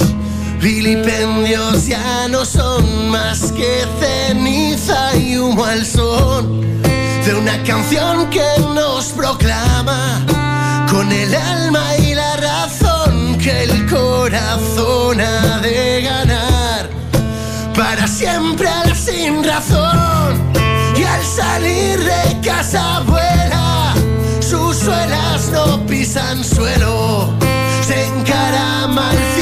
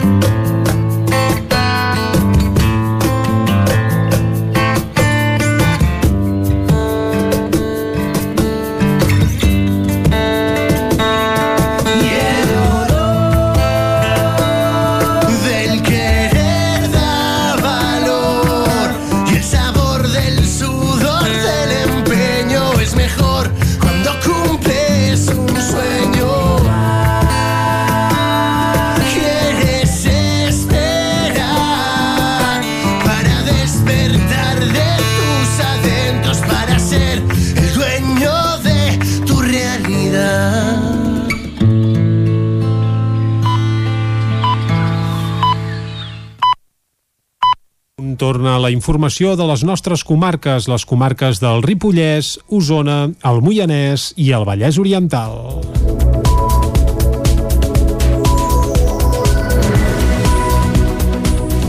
Presó per un home amb domicili a Llinàs per abusar sexualment d'una menor d'11 que va conèixer per les xarxes i pertinència de pornografia infantil. David Auladell, de Ràdio Televisió, Cardedeu. Els Mossos d'Esquadra van detenir un home de 57 anys com a presumpte autor dels delictes de tinença i distribució de pornografia infantil, contacte amb menors amb finalitat sexual i abusos sexuals a una menor. L'arrestat va passar a disposició judicial l'11 de març i el jutjat d'instrucció 3 de Terrassa en va decretar l'ingrés a presó preventiva. La investigació que ara ha culminat va començar el novembre de 2020, quan els Mossos van saber que l'home tenia gran quantitat d'imatges pornogràfiques de menors. Poc després van descobrir que el sospitós consumia i distribuïa material audiovisual d'aquest caire en xats pedòfils. A banda, utilitzava les xarxes socials per contactar amb menors amb la intenció de mantenir-hi relacions sexuals, apunta la policia catalana en un comunicat. Els investigadors van entrar als domicilis que el detingut tenia a Terrassa i Llinars del Vallès, on van localitzar material pornogràfic de menors i van trobar indicis que hauria mantingut relacions sexuals, almenys amb una menor d'11 anys que hauria conegut per xarxes socials. Pere Barrios lidera una nova iniciativa per representar els empresaris catalans. Caral Campàs, des d'Ona Codinenca. Després que la candidatura d'Eines de País a la presidència de PIMEC anunciés a principis de mes que no impugnaria els resultats de les eleccions, a finals de la setmana passada sorgia una nova iniciativa. La nova proposta porta per nom Patronal Catalana i tot i que l'han impulsat alguns membres d'Eines PIMEC, es tracta d'una plataforma totalment independent. El nou projecte sorgeix del qüestionament de la representativitat de les organitzacions actuals com són Foment i PIMEC. Per aquest motiu, en paral·lel a l'oposició constructiva que Eines Pimec ha anunciat que farà a la patronal actual per representar els empresaris que els han votat, Pere Barrios encapçala ara aquest grup independent. L'objectiu principal de la patronal catalana que volen desenvolupar és el de crear una nova organització que impliqui com a mínim el 15% dels empresaris del teixit català, tenint en compte que el total és de 600.000 persones perquè la nova iniciativa prosperi hauria de convocar un mínim de 90.000 persones empresàries. Per ara, els impulsors de la que aspira a ser la nova patronal catalana han creat el grup gestor que el formen prop d'una dotzena de persones. A diferència de la candidatura d'Eines Pimec, que comptava amb el suport públic de l'ANC, la nova iniciativa s'ha volgut desmarcar de l'independentisme i ha avançat que vol representar el teixit empresarial català que no està d'acord amb el funcionament de les plataformes actuals. El Consell Comarcal del Ripollès engega un pla de reactivació econòmica de 136.000 euros contra la Covid-19. Isaac Muntades, des de la veu de Sant Joan. El Consell Comarcal del Ripollès engegarà un pla de reactivació socioeconòmica per pal·liar els efectes de la Covid-19 per un import de 136.700 euros. Aquests diners provenen d'una modificació de crèdit del pressupost 2021 que va ser aprovada per unanimitat al ple de l'ENS d'aquest passat dimarts. Aquest pla de xoc està dividit en un pla de reactivació econòmica i un pla especial d'ocupació. En el primer cas es crearà una oficina de reactivació, hi haurà una línia especialitzada en suport a empreses i autònoms, una línia d'accions de promoció del territori i una altra per desenvolupar el turisme i un pla de foment del consum de proximitat. En relació amb l'ocupació s'abordarà la situació més urgent per a les persones que s'han quedat sense feina i es garantirà una ocupació de qualitat, fent una formació en línia en eines TIC i digitalització de les persones. El conseller d'Esquerra Republicana de Catalunya, Xavier Juncà, va veure amb bons ulls la iniciativa, però va advertir que s'hauria d'haver fet abans. Perquè parlem del potser sí aquest any i potser no l'any anterior. Ja vàrem dir que els pressupostos 2021 hi trobàvem una mancança important perquè no hi havia cap línia mm, vinculada directament al Covid, cosa que entenem amb aquesta modificació es comença a subsanar. Per això diem, sembla ser ja que entrem en l'any del, del potser sí, no? Potser sí coses que no veiem nosaltres en el 2020 comencen a agafar cos. I aquest és un primer indici. Però recordem que en el 2020 hi van haver-hi altres potser nos que ens haguessin agradat potser sis. I recordem que quan va arribar el Covid, de seguida en el següent ple que es va fer nosaltres ja vam proposar tirar endavant un pla de xoc, un pla de recuperació. En aquell moment va ser un potser no, amb el pas del temps ha estat un potser sí. Ara estem al mes de març, gener i febrer es van fer les taules vinculades amb aquest pla de recuperació i bé, finalment ha estat un, un potser sí, però, però bé, creiem que, que es podia haver treballat amb més, amb més antelació. Com deia Juncà, durant els mesos de gener i febrer d'enguany s'han impulsat des de l'Agència de Desenvolupament del Ripollès, el Consell Comarcal i la Unió Intersectorial Empresarial del Ripollès un total de 12 taules de treball amb els sectors econòmics de la comarca per ajudar a confeccionar aquest pla de reactivació. Juncà també es va queixar que no se'ls ha fet partícips, tot i informar-los de les actuacions. El conseller d'Esquerra va apuntar que la Generalitat dotarà amb 800.000 euros d'ajuts directes l'ENS i que cal preveure en què es gasten. Juncà apostava per fer un estudi de les empreses que tenien més necessitats econòmiques. El president de l'ENS, Joaquim Colomer, va contestar-li que cal que la Generalitat doni més suport econòmic als consells comarcals. Li va plantejar que reunissin plegats amb el pròxim conseller d'Economia per fer pressió. La modificació de crèdits dels comptes s'elevava fins als 182.000 euros i també s'hi inclouen 21.000 euros d'aportació a l'agència, 8.000 per adquirir material informàtic per fer teletreball o 100.000 de l'aportació anual a l'Ajuntament de les Llosses per la compensació de l'abocador. L'Ajuntament de Vic torna a reactivar la campanya de control de la població de gavians a la ciutat, coincidint amb l'època de cria d'aquestes aus urbanes. Tot i que amb la millora de la gestió dels residus i la desaparició d'abocadors a l'aire lliure on trobaven menjar, la població de gavians a Osona s'ha reduït, a Vic hi ha una quarantena de parelles nidificants de manera estable des de fa 15 anys. No es preveu que la població de gavians es redueixi. Per minimitzar les molèsties que aquestes aus urbanes poden provocar a la ciutadania, l'Ajuntament disposa d'un programa de prevenció anual que s'activa especialment ara, entre els mesos de març i maig, l'època de cria dels gavians. Entre les principals problemàtiques que generen hi ha que embruten les taulades i que hi fan nius. Jordi Baucells és el responsable de Biodiversitat.cat i Núria Vergés, regidora de Salut Pública de l'Ajuntament de Vic. Cada vegada que un ciutadà o ciutadana eh, demana a l'Ajuntament atenció perquè té un niu de gavià, el visitem personalment, visitem la zona del niu, punxem, punxem els ous perquè no criïn, no neixin les cries i per tant, per tant evitem sacrificis, evitem captures i prevenim la molèstia. Sobretot es recomana a la ciutadania de tenir la teulada ben neta i sense brutícia perquè és allà on fan els nius a aquestes gavines. Repartirem i farem bustiada de tríptics informatius eh, sobretot en aquells punts de la ciutat on normalment tenim unes problemàtiques o, o normalment s'hi troba aquesta problemàtica que durant els anys hem vist que, que hi és i també farem una videoconferència eh, telemàtica per tal de in situ poder trobar-nos amb els veïns i veïnes la reunió telemàtica adreçada als veïns es farà el dimecres 24 de març a les 7 de la tarda. Les zones on hi ha més nius de gavians són el centre històric, les adoberies i el barri del Remei. Òmnium Osona ha presentat els actes de commemoració del 50è aniversari de l'entitat. Demanant la llibertat de Jordi Cuixart aquest dimecres, el president d'Òmnium Osona obria la presentació dels actes del 50è aniversari de l'entitat a la comarca. El 17 de març de 1971, ahir feia exactament 50 anys, a la Casa de Cultura de Vic s'hi duia a terme la primera reunió d'Òmnium a Osona, just quan l'entitat feia 10 anys que caminava a escala nacional. Alfred Verdaguer és el president d'Òmnium Osona. S'han fet realitat molts projectes que no podíem ni imaginar i hem aconseguit una entitat forta que a molts els fa por. També pensem que estem al costat adequat de la història o que tornarem a exercir tots els drets que ens siguin negats, inclòs el dret a l'autodeterminació.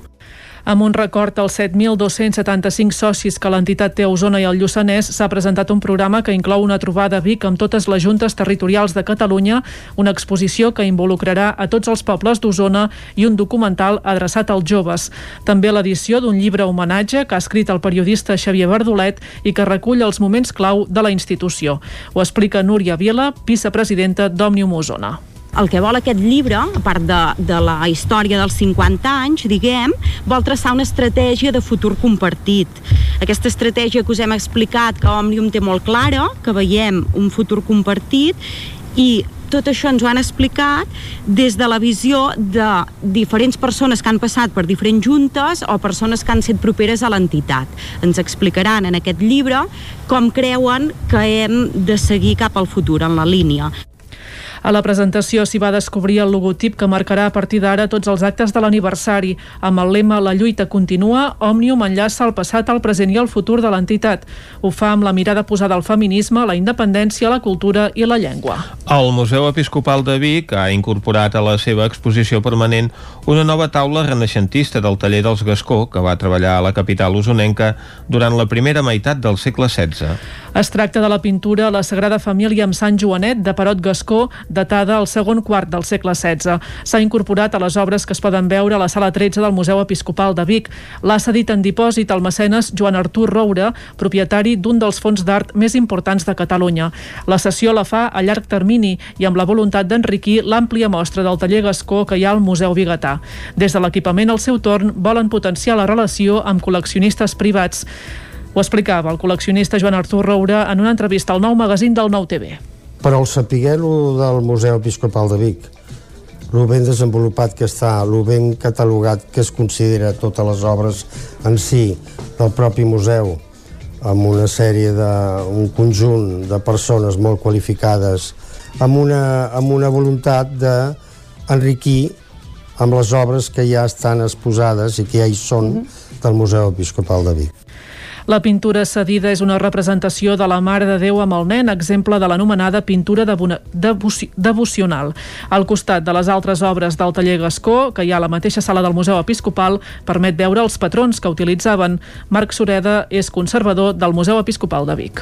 És molt interessant perquè el taller dels Gascó eh, sabem que pinta diferents d'aquestes versions, combinant diferents d'aquests elements i, d'això en tenim, gràcies a l'ingrés d'aquesta obra, en tenim una mostra ja molt nodrida en la col·lecció del museu i a més, com que hi ha aquests diferents elements com si fossin peces d'un trencaclosques que es van combinant a l'hora de composar la pintura podem aprendre molt bé a través de l'exemple d'aquest taller concret com funcionaven els pintors de l'època.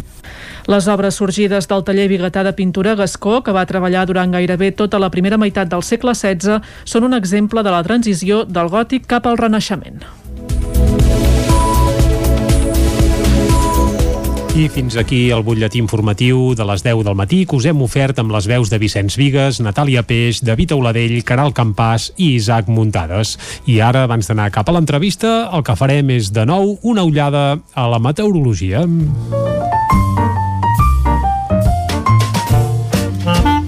Casa Terradellos us ofereix el temps i evidentment qui ens acosta el temps és en Pep Acosta eh Pep, ens l'acostes cada dia eh? va, molt bon dia Hola, què tal? Bon dia, molt bon dia. bon dia a tots sí. Avui al matí amb un dia bastant assolellat uh mhm. -huh. però hi ha creixent nuvolades mm, les, a les capes altes Uh, l'aire sec s'accentua, novament, perdó per la, per la reiteració, no l'aire sec, uh, l'aire fred uh, s'accentua i això provocarà de cara a migdia i a la tarda uh mhm. -huh. creixement de nuvolades, amb més ganes, més energia que ahir. No es descarten alguna precipitació, zona típica d'aquestes entrades a vent de nord, on, on més pot, pot ploure i on més pot, hi pot haver tempestes, guilleries, transversal, Montseny. Seran les zones on hi pot haver més tempestes aquesta tarda. No plourà tot el dia, ni molt menys, ni tota la tarda tampoc, eh? Seran tempestes eh, d'aire fred, localitzades, i que poder plourà poca estona. Mhm. -huh. Atenció a la cota de neu, en un principi 1.200-1.300 metres, puntualment el moment de xàfec pot baixar fins a 800-900 metres. Nevada de molt poca cosa, eh? Nevarà -huh bastant, bastant poc, si és que arriba a nevar. Ja dic, la probabilitat de tempestes hi és, però no, no és molt, molt important. Independentment, el Pirineu nevarà més, allà sí que nevarà més a la tarda i més continuadament, no serà en forma de, de tempesta ni ruixat. Ahir la tarda ja va nevar, jo no m'esperava que passés la, la nevada de la cara del Pirineu, però sí que va passar a la cara sud. Va anar una mica a les parts més altes de les nostres muntanyes del Pirineu, poca cosa, eh? entre 4, 5, 6 centímetres a tot estirar. A destacar que durant tot el dia bufarà el vent novament a les parts més altes, sobretot el Pirineu i el Montseny. Vent de 70, 80, 90 km per hora. I això farà augmentar la sensació de fred. Si ja fa fred, eh, amb el vent augmenta molt més aquesta sensació perquè vent fred. A les poblacions no superarem dels 12, 13, 14 graus a tot estirar. Uh -huh. Moltes gràcies i fins demà. Adeu. Vinga, moltes gràcies a tu, Pep. I escolta, ara, Vicenç, estem a les portes de la primavera. Uh -huh. uh, al cap de setmana entrarem a la primavera, però la meteorològica sembla que no, eh? Meteorològicament sembla que tornem una mica cap a l'hivern i les temperatures mínimes d'avui ho deixen ben clar, eh? Han caigut, efectivament, uh -huh. perquè ha glaçat a molts punts. Per exemple, a Prats de Lluçanès, a Sant Julià de Vilatorta, a Roda, a Sant Quirze de Besora, Sant Vicenç de Torelló, a Vic, doncs unes dècimes negatives, igual que a Monistrol de Calders, mig grau negatiu a Viladrau, a les Masies de Roda, a Orís, a Vilallaons, 8 dècimes a Malla, un grau negatiu a Espinelves, Taradell, Montesquiu, un grau i mig a Olost, Sant Martí Sescors, Sant Fores, Sora, Molló, un grau, al voltant de 2 graus negatius de mínima a Rupit, a Sant Pau de Segúries, a Puigdesolles 2,3, 3 graus i mig negatius a Sant Sadurní d'Usur Mort, 5 graus i mig negatius de mínima a Núria i 9 a Ull de Ter. Per tant, unes temperatures molt fredes i hi ha molts punts on pràcticament ha glaçat perquè han set molt poques dècimes, una o dues dècimes doncs, a punts com Callatenes, l'Esquirol, Vidrà, eh, Perafita, Sant Pere de Torelló, Tona, Tabertet, eh, aigua freda doncs tampoc han arribat al grau positiu de mínima igual que Vilanova de Sau o Folgueroles. Per tant la veritat és que ha caigut molt la temperatura. Un exemple, Caralps doncs un, un grau i vuit dècimes de mínima però és que això són 5 menys de la mínima d'ahir Uh, per tant, caiguda mitjana entre 4 i 5 graus a tots els racons del territori 17 i sembla que la fredurada, ja ens ha dit en Pep Acosta que durarà uns quants dies. Per tant, si més no, les temperatures mínimes uh, estaran força baixes durant els propers dies. Abriguem-nos. Abriguem-nos, però bé també arriba la primavera, el dia s'allarga i quan fa solet, encara que faci fred s'està bé el sol, tu. Però bueno, fet al aquest... migdia sí. al migdia sí, fet aquest apunt meteorològic el que ens toca ara és anar cap a l'entrevista una pausa i de seguida coneixerem detalls del festival Ressona que es fa a Cardedeu aquests propers dies. Fins ara. Casa Tarradellas us ha ofert aquest espai.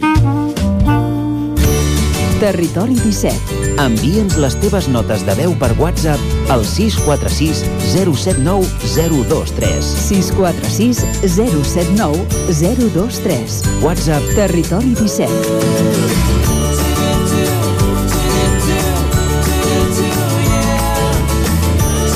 Territori 17. Som a Facebook, Twitter i Instagram amb l'usuari Territori 17.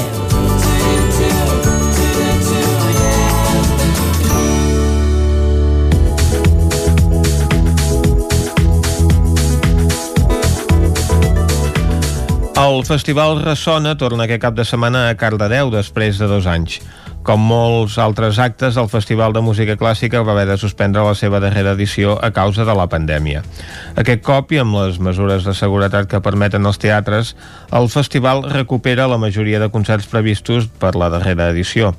Des d'aquest divendres i fins diumenge, el Teatre Auditori i el Cinema Esbarjo acolliran tres concerts i una sessió d'òpera al cinema.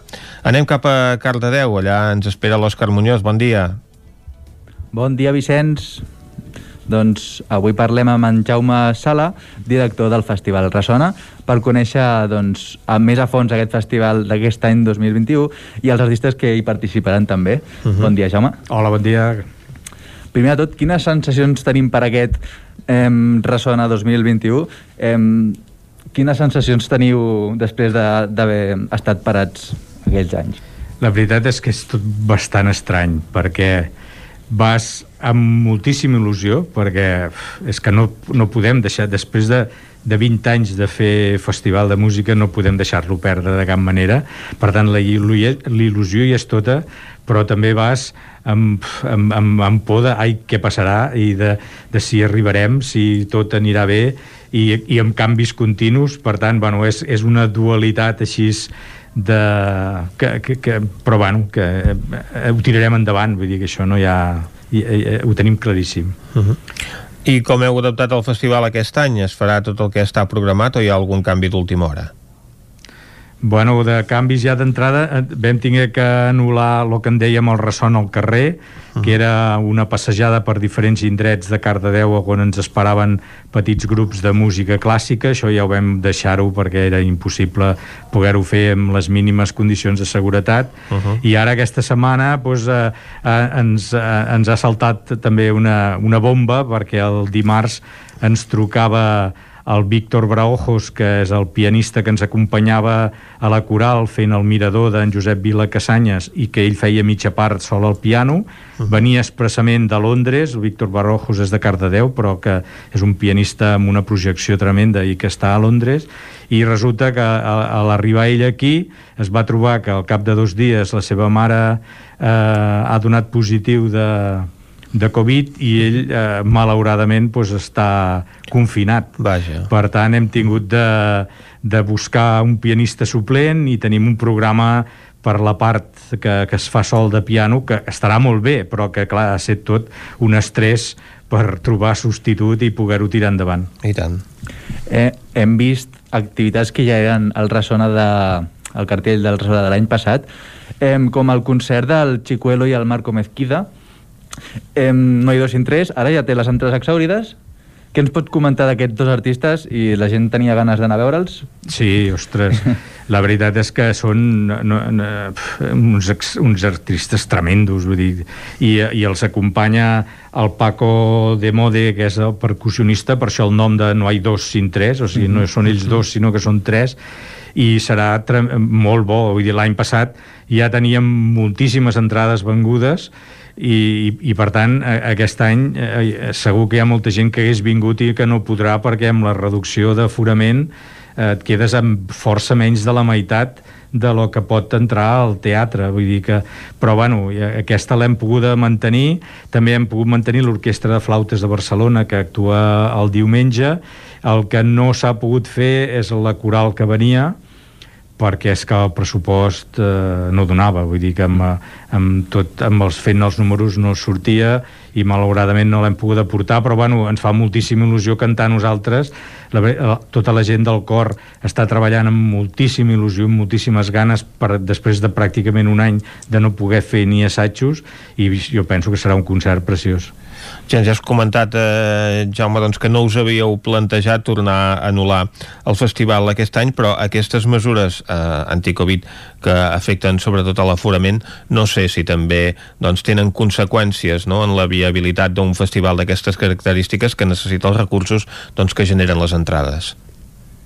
Home, la veritat és que si això fos cada any eh, seria per plantejar-s'ho Tenim la sort, immensa sort, de que tenim tot un seguit de patrocinadors que des de fa molts anys ens ajuden i que eh, hi han set, o sigui que no diguem que no ens ha afectat eh, l'entrada d'aquests recursos amb el festival. Sí que ens afecta lògicament el que és el, el, el menys d'entrades, sobretot doncs, diguem amb el, el que seria el concert estrella, que és el del Chicuelo i el Mezquida, que aquí eh, igual haguéssim omplert i aquest això eh, ens ajuda, ens fa fons d'armari per poder portar altres coses que tenen un preu i que potser no tenen tant tanta tirada de la gent. Però bueno eh, eh aquest any ens en sortim. També ens ajuda l'Ajuntament també la veritat és que s'han comportat de 10 i per tant ho tirarem endavant. Parlant de, de, de la coral de Gradeu eh, com heu, com heu pogut assajar després de quarantena hem pogut preparar aquest concert ja que ostres, s'ha vingut de, so, de sobte i l'heu hagut de preparar això en, en un any... Bueno, eh, d'entrada només fem El Mirador, que és una mm -hmm. obra que dura sí. uns 20 minutets, per tant ja, ja hi ha menys feina tot i que és una, fe, és una obra complicada però és una obra que la coral havíem de fer devíem de cantar el juny de l'any passat per tant ja la portàvem, la portava... quan ens van tancar ja la portàvem assajada i llavors ja havíem fe, vam fer assajos a casa i ara des de passat festes de Nadal doncs hem pogut trobar-nos cada setmana, a vegades tots, a vegades amb grups, i bueno, jo penso que hem tingut temps de poder-la preparar bé, per... a més ja l'havíem cantada fa 10 anys enrere, la, molts dels que hi som, per tant, bueno, jo penso que que dintre de tot haurà anat bé. No haguéssim pogut preparar un concert sencer perquè era impossible. Impossible. Uh -huh. Ahir ja vam uh, anunciar una mica la programació d'aquest festival a l'agenda cultural comentàvem doncs, aquest uh, concert de Chicuelo i Marco Mezquida, el guitarrista i el pianista, acompanyats, com ens deies, d'un percussionista. Serà el concert estrella d'aquesta edició del festival, però també tenim activitats no? el, el dissabte i el diumenge, perquè vosaltres comenceu amb el plat fort.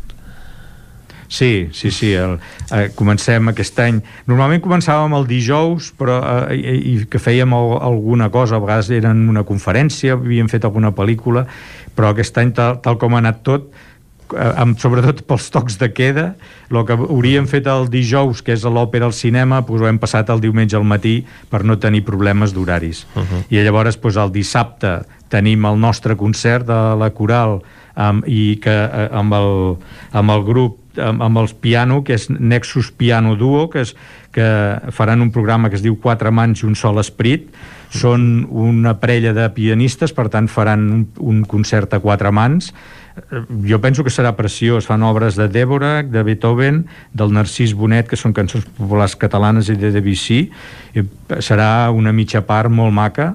I llavors al matí de la mà de l'Oriol Genís, el actor, gran actor local i enamoradíssim de l'òpera, que ens porta eh, a l'obra La Carmen de Bizet, de la versió del, del Camilo, ai, de, de Calixto Vieito, Uh -huh. i que estarà molt bé. I a la tarda tenim l'Orquestra de Flautes de Barcelona, que és una delícia escoltar-los la música clàssica amb aquest instrument. Mm. Eh, en què us fixeu a l'hora de fer el cartell del Ressona. O sigui, ja aquest any heu repescat activitats o actuacions de, de l'any passat, però, per exemple, el, de l'any que ve, què, què busqueu que hi hagi al Ressona que no pugui faltar a part de no, sigui, música clàssica i tot això? Però... Sí, bàsicament hi ha una cosa que no pot faltar mai, que és un concert de cant coral perquè nosaltres som una coral i per tant volem veure els grans no? eh, tenir prop eh, gent dels bons no? això, això ens agrada molt i sempre hi és, sempre hi ha estat eh, llavors normalment el divendres solem eh, mirar de que hi hagi un, un concert que amb, amb bona anomenada, o sigui, que a mm, part de ser bo, que, que, que, que puguem omplir, que no, en el fons eh, el que busques és que amb aquest concert financis mm. pràcticament els altres, perquè a vegades fas activitats que són gratuïtes, com això del ressona al carrer, o fa, has fet altres coses. I després eh, és, és trobar, o sigui, d'ofertes ara, amb 20 anys, 21 ja que portarem amb, amb el festival, eh, hi ha, els programadors eh, ens coneixen, ens passen moltíssimes propostes a, a través del programa .cat ens en arriben cada dia. Jaume, se'ns acaba el temps. Eh, sí, perdona. És hora de fer la jo pausa de publicitat. xerrar no, no paro. no. Gràcies per acompanyar-nos i que sigui un èxit aquest festival que sona. Gràcies a vosaltres. El nou FM, el nou FM. Quin valor té l'aigua per tu? Per beure. Per dutxar-me. Per cuinar per fer energia, per regar l'hortet, perquè baixin ben plens els rius, per fer bombolles, per banyar-me al mar, per refrescar-me, per tenir uns boscos preciosos. L'aigua és vida i ens dona vida, i sense aigua no hi ha res. 22 de març, Dia Mundial de l'Aigua. Donem-li el valor que es mereix. Aigües Vic, el valor de l'aigua. Passema, comercial de maquinària i utillatges amb més de 50 anys al vostre servei. Visiteu la nostra botiga i trobareu productes de gran qualitat. Passema, som al polígon Sot dels Pradals, al carrer Cervera 10 de Vic. Telèfon 93 885 32 51. Passema us desitja un bon mercat del ram. A Vic, T52, un taller d'emocions una celebració, un reconeixement, un record, la victòria, el premi. Tenim una solució personalitzada per a cada ocasió. Ens trobaràs al centre, al carrer 941 i també a l'Horta Vermella, al carrer Menéndez Pelayo 31. Més informació a t52.cat. Vine a Autoscola Montseny i t'informarem de les nostres ofertes. Permís de moto 16 anys amb 4 pràctiques des de 399 euros. Permís de moto 18 anys amb 4 pràctiques des de 425 euros. Permís de cotxe amb 10 pràctiques des de 460 euros. I si vens amb un amic, et regalem una pràctica. Per més informació, Autoscola Montseny, a la Rambla de Vallades 13, primer segona de Vic, al telèfon 93 885 45 88 i també a Facebook i Instagram. Autoscola Montseny us desitja un bon mercat del ram. Els dies 25 i 26 de març se celebren les eleccions agràries. Les votacions seran únicament pel sistema de votació electrònica. Pots votar remotament amb l'IDCAT certificat, el DNI electrònic, altres certificats reconeguts o amb el sistema de reconeixement biomètric. També pots votar de manera presencial amb el DNI des de qualsevol dels punts d'assistència al vot electrònic. Tots els punts comptaran amb les mesures sanitàries necessàries per garantir la teva salut i la de tothom. Més informació a agricultura.gencat.cat. Generalitat de Catalunya. A Montse Estètic Vic celebrem dos anys. Tant si ets client nostre com si ens acabes de conèixer, gaudiràs de descomptes i promocions tot el mes de març. Aconsegueix un 2 per 1 en la depilació làser al portar un amic o amiga i enamora't gratuïtament de la presoteràpia mentre et fem un tractament facial. Cuida't més que mai. Ara amb el 20% de descompte en tots els productes. Vine a Montse Estètic i mima't. Ens trobaràs a l'Avinguda Pius 12, número 26 de Vic. Al telèfon 672 1704 23 i a la web montsestètic.com. El nou FM, el nou FM, el nou FM, el nou FM, el nou FM.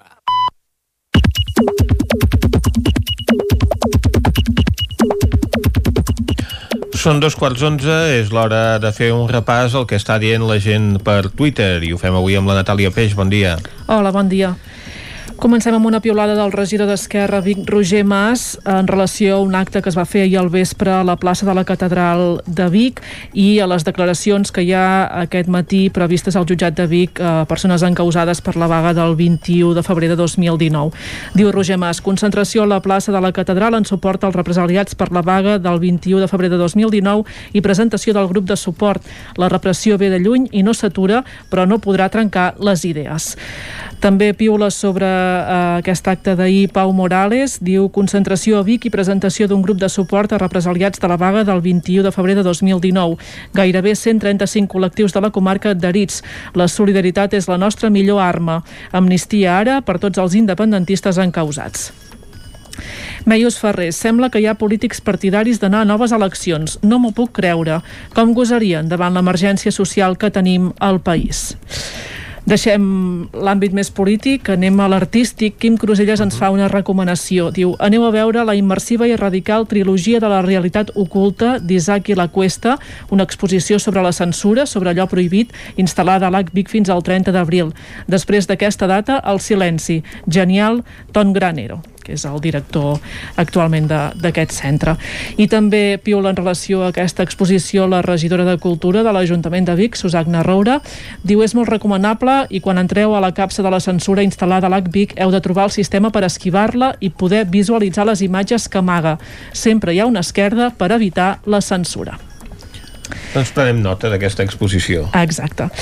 Uh, probablement sabreu que ahir uh, Joan Laporta es convertia de nou oficialment en president del Barça i Víctor Font, que ha estat candidat a aquestes últimes eleccions, uh, piula des de la presa de possessió del president Joan Laporta sent una gran alegria per veure el club retornant per fi a la normalitat institucional.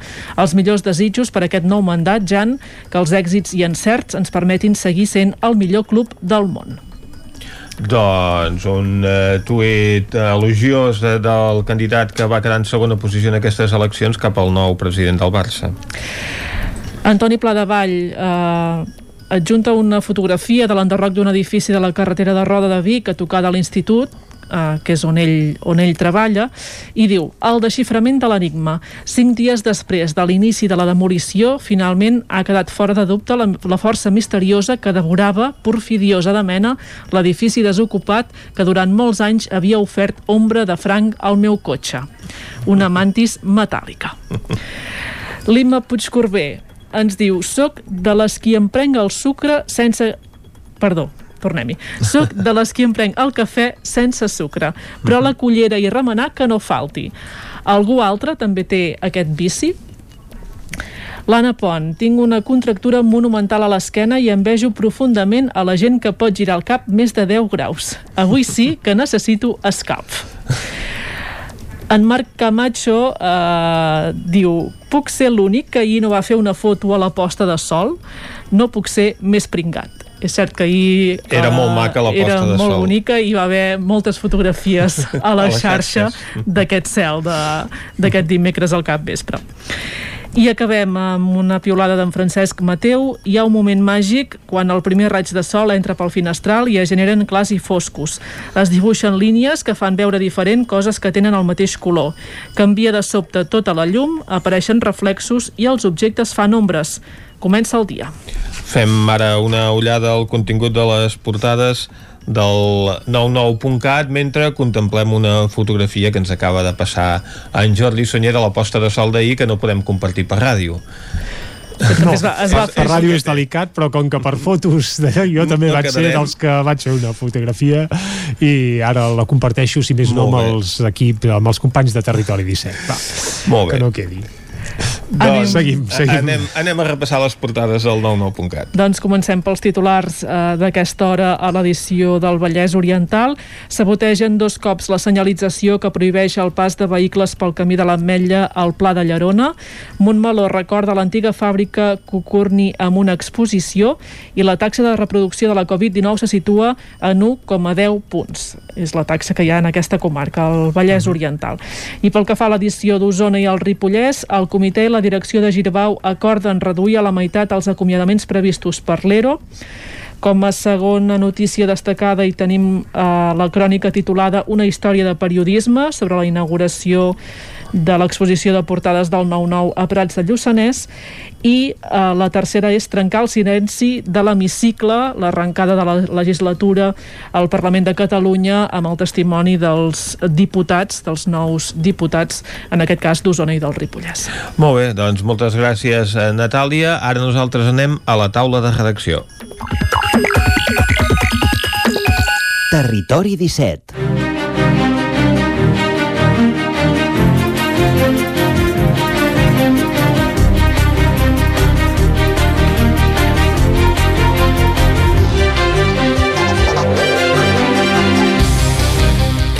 Avui a la taula de redacció ens visiten la Dolors Altarriba i l'Isaac Muntades.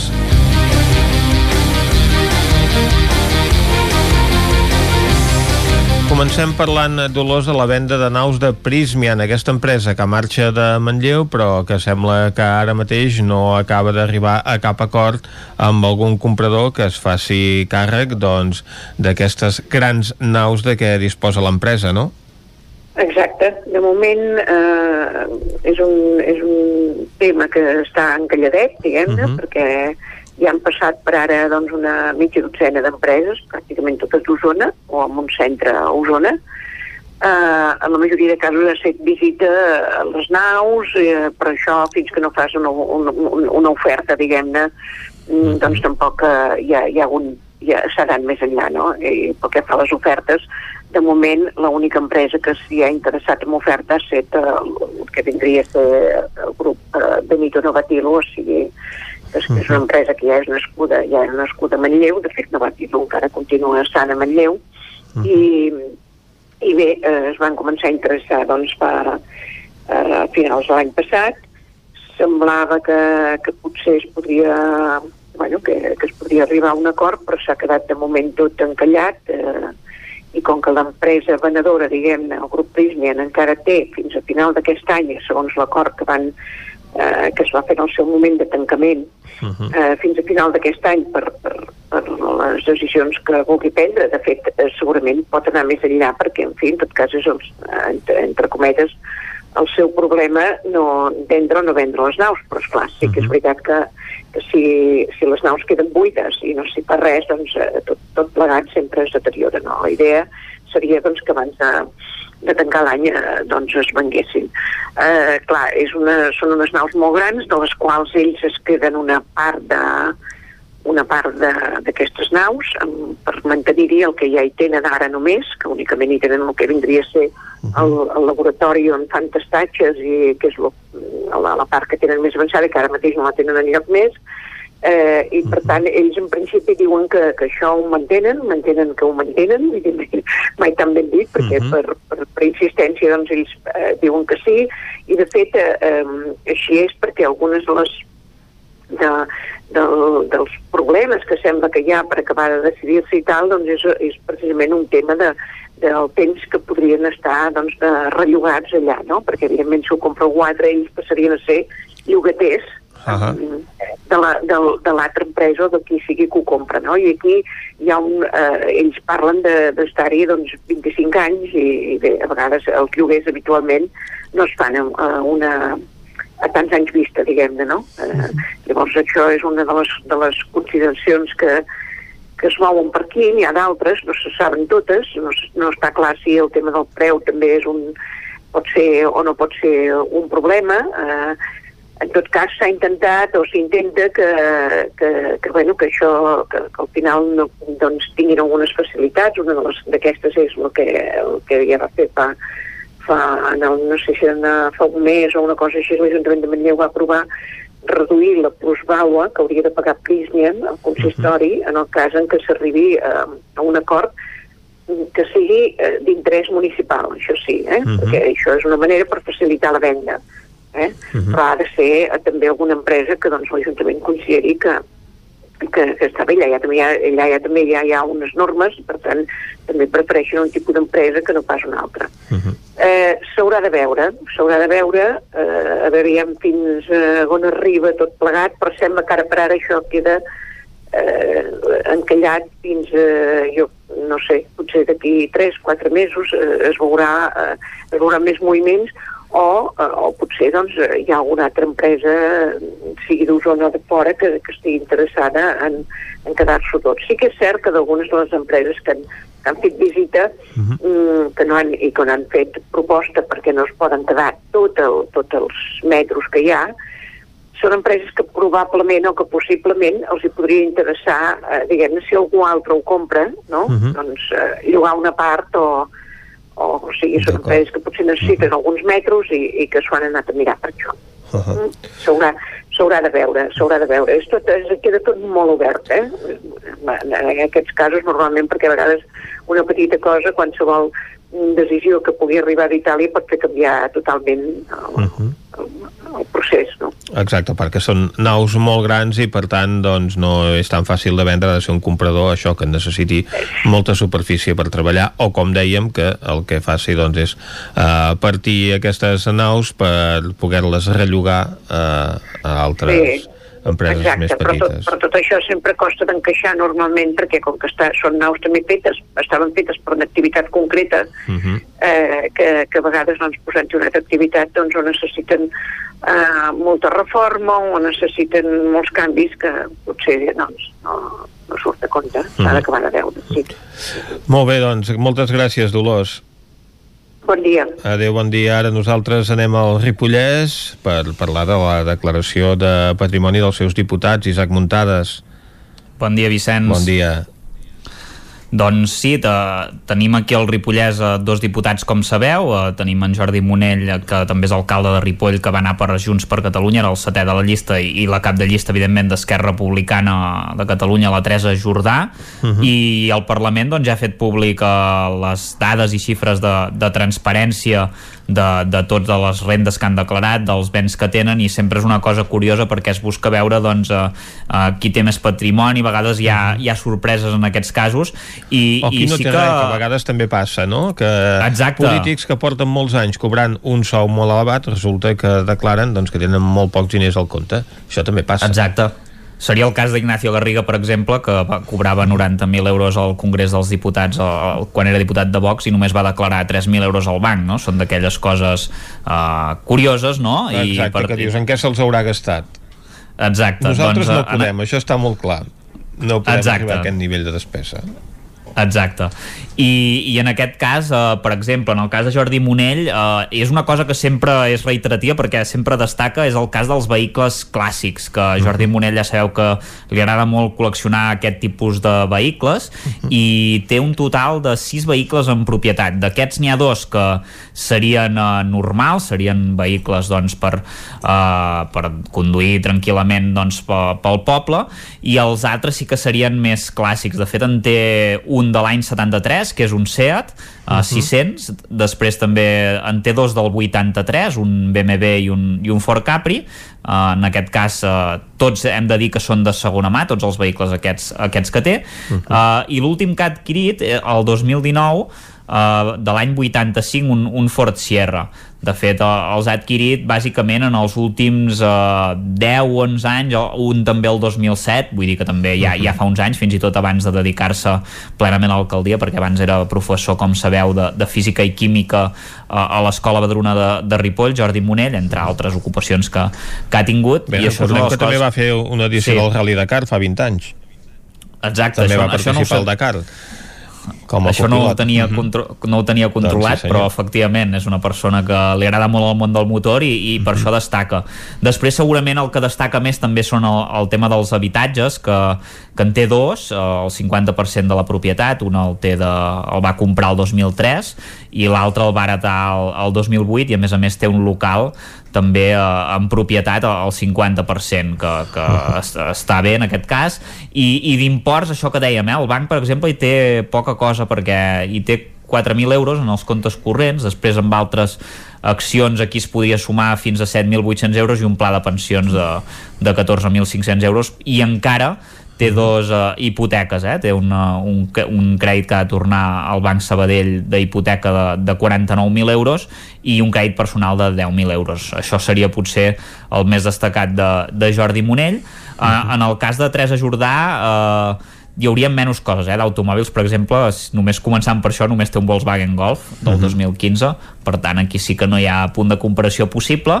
L'habitatge eh, en té un, eh, un en compra-venda, el del 2007, en aquest cas destaca que el valor és molt alt, 160.000 euros, eh, en el cas de Jordi Monell, entre tots tres coses valia 140.000, vull dir que en aquest cas sí que l'habitatge a Tres Jordà eh, té un valor més alt. I, I a en vegades canvi també té no depèn del moment que ho compris Sí. o de les Exacte. circumstàncies, això a vegades tampoc un ho pot acabar d'escollir. Exacte. I, i res, dir-vos que només el, el banc 793 euros hi té, en, en canvi sí que amb altres valors mobiliaris aquí ja puja més, 114.000 euros i un pla de pensions de 41.000 e- 41.000 euros i té una hipoteca per tornar de, de gairebé 100.000 euros, per tant, doncs, eh, ja ho veieu, els imports dels diputats d'aquí de, del Ripollès com són. Mhm. Molt bé, doncs moltes gràcies per aquest repàs, Isaac. A vosaltres. Nosaltres anem ara cap al cine.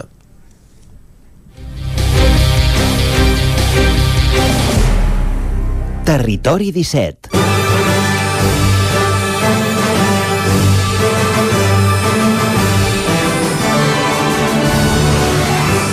I al Cine Vicenç no hi anem pas mai sols, sinó que hi anem amb la Núria Lázaro. Uh, la setmana passada recordes que ens parlava de, bé dels Premis Goya. Exacte. Aquesta setmana ens podria parlar dels Gaudí, que s'entregaran, es lliuraran aquest diumenge en una gala que es farà a la tarda per poder, bé, a les 10 del vespre, i estem en Mhm. estat d'alarma, s'hauria d'haver acabat tot plegat, Uh -huh. uh, però no ens parlarà, em sembla, dels Gaudí, sinó que ens parlarà dels Oscars, que es Clar. veu que també ja escalfen motors. Oh, Va, uh, escoltem Estan la a punt, Núria. estan a punt. Doncs donem pas a la Núria. Doncs la setmana passada parlàvem dels Premis Goya i avui toca parlar dels Oscars, que es celebraran el proper 26 d'abril, però ahir es van donar a conèixer els nominats per a aquesta edició 2021.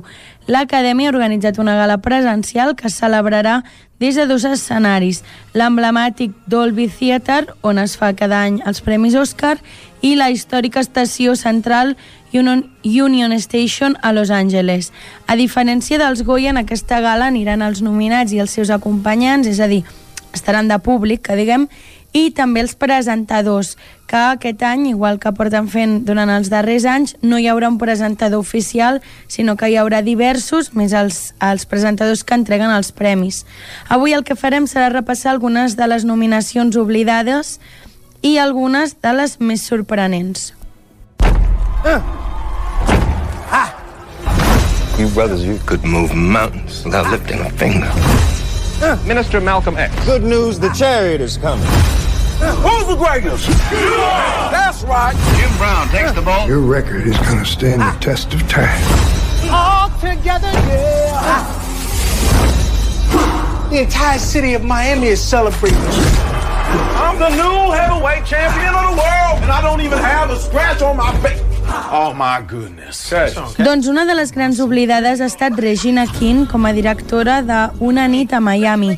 Després de guanyar l'Oscar a millor actriu de repartiment pel seu paper a Blues de Beale Street i encarnar a la ja eterna Angela Abar a The Watchmen, s'ha estrenat com a directora d'un llargmetratge per a pantalla gran per la gran pantalla amb Una nit a Miami, títol amb el qual va obtenir la candidatura als Globus d'Or, però que no ha arribat a convèncer els acadèmics.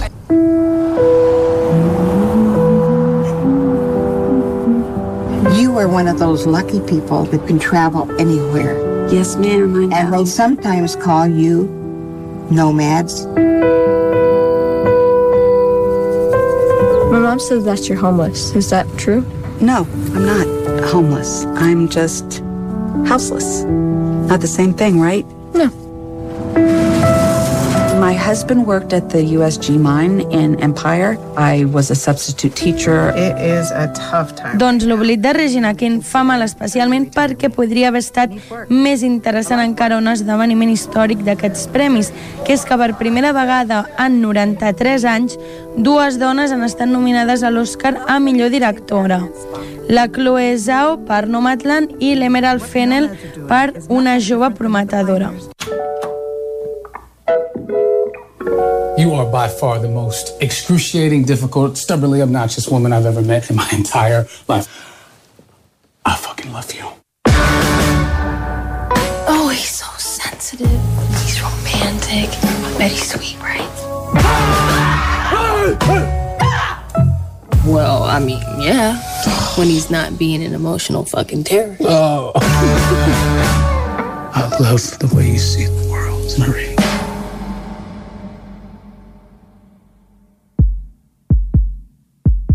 Mystery. Doncs un dels oblits més sonats ha estat el de la Zendaya com a millor actriu per The Malcolm and Mary. El Sam Levinson no és el Noah Bauschman, cosa que queda clar als pocs minuts de començar amb Malcolm and Mary, però amb la vista posada en els premis, l'espectador de Netflix es va agafar a la Zendaya esperant estar veient almenys un títol amb candidata a millor actriu protagonista, però no ha estat així. Jeg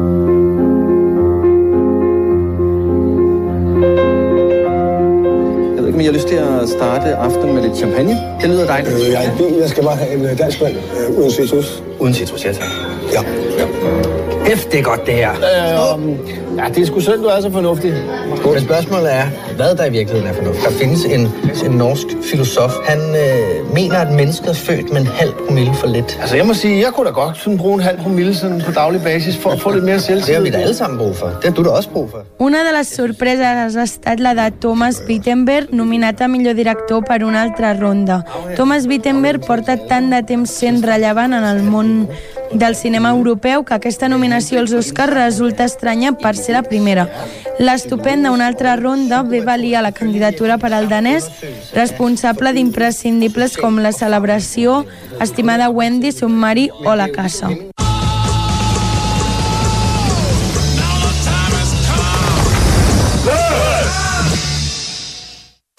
Black GI, is it fair to serve more than the white Americans that sent you here?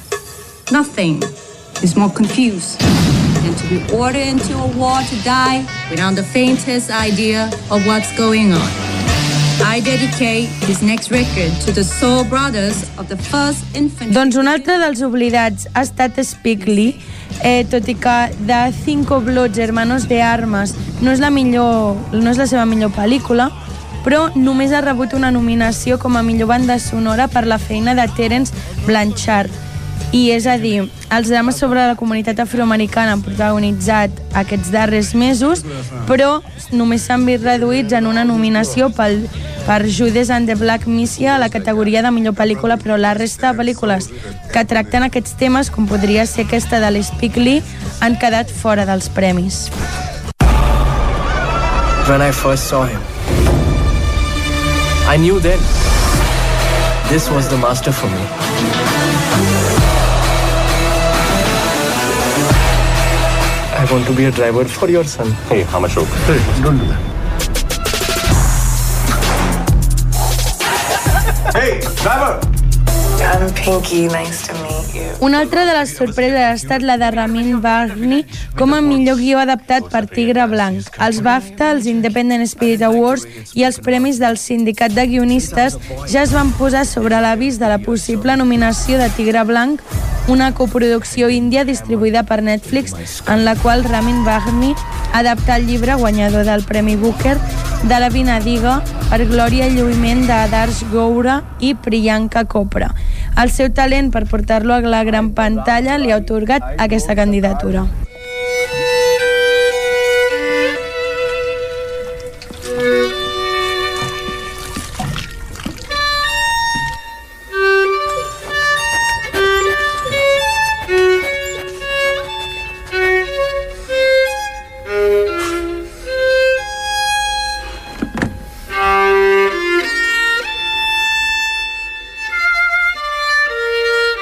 Doncs un altre dels grans oblidats ha estat La veu humana de Pedro Almodóvar. Aquest curtmetratge amb Tilda Swinton no ha estat nominat. En contra, només hi havia un motiu de pes l'ús d'aquesta categoria per ajudar nous talents a usar els premis com a plataforma, cosa que trobo perfecta i per tant jo crec que aquest ha estat el motiu de que la veu humana no estigui dins d'aquesta categoria. Shemash, mi nombre Borat. Yo periodista de Kazajstán. Mi gobierno me envía a Estados Unidos para hacer película. Por favor, vean ustedes. Hola, intentado yo nuevo en Ciudad. Quiero saludar. Hola, mi nombre es Borat. Yo nuevo en Ciudad. Perdón, yo. Bienvenido a los... Doncs una de les sorpreses ha estat també Maria Bakalova, qui està nominada a millor actriu de repartiment per Borat, pel·lícula film seqüela. L'actriu búlgara va ser escollida per Shaka Baron Cohen per encarnar la seva filla a Borat, pel·lícula film seqüela, i a més d'una interpretació brillant en els moments de ficció i els fals documental, li va otorgar protagonitzar al costat de Rudy Giulini un dels moments més desagradables de l'any. Per si això fos poc, la pel·lícula també està nominada a millor guió adaptat. Deputy Chairman Fred Hampton of the Illinois Black Panther Party.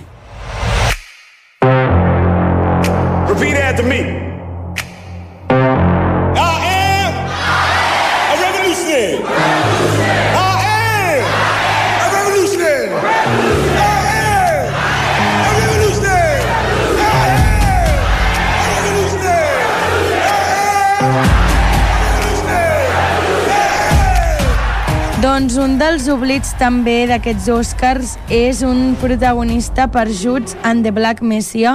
Com deia, està nominada a millor pel·lícula, però Juts a, The Juts and the Black Messiah la Kate Stanfield encarna a Bill O'Neill, l'infiltrat en, el par en el partit Pantera Negra que havia d'apropar al seu president, interpretat per Daniel Kaluuya, per acabar amb el moviment. Qui és el protagonista d'aquest duel interpretatiu a la pel·lícula? Segons els acadèmics, cap. Tant Stanfield com a Kaluuya han estat nominats a millor actor de repartiment.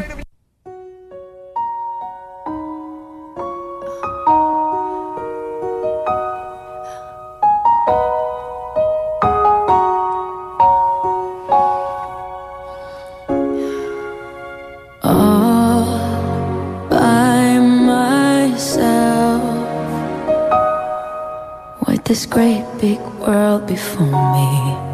But it's all for someone else. I've tried and tried again to let you know just where my heart is. I per últim, una de les sorpreses i bastant sonada ha estat la de la pel·lícula Festival de la Cançó d'Eurovisió, la història de Fire Saga, que ha aconseguit una nominació a millor cançó original. Usavik, de Richard Goranson, Savan Kotecha i Fat Max Gust ha estat nominada a millor cançó original atorgant així una merescuda candidatura a Festival de la Cançó d'Eurovisió, la història de Fire Saga. I també he de dir fent una mica somiar els espectadors amb un número de la Rachel McAdams i el Will Ferrer a la futura cerimònia, tot i que el tema el canti a la Molly Sanden. Això sí, és una pena que Double Trouble i Volcano Man, els veritables temes de la pel·lícula, no hagin estat escollits. No t'ho perdis. Estrenes de la setmana.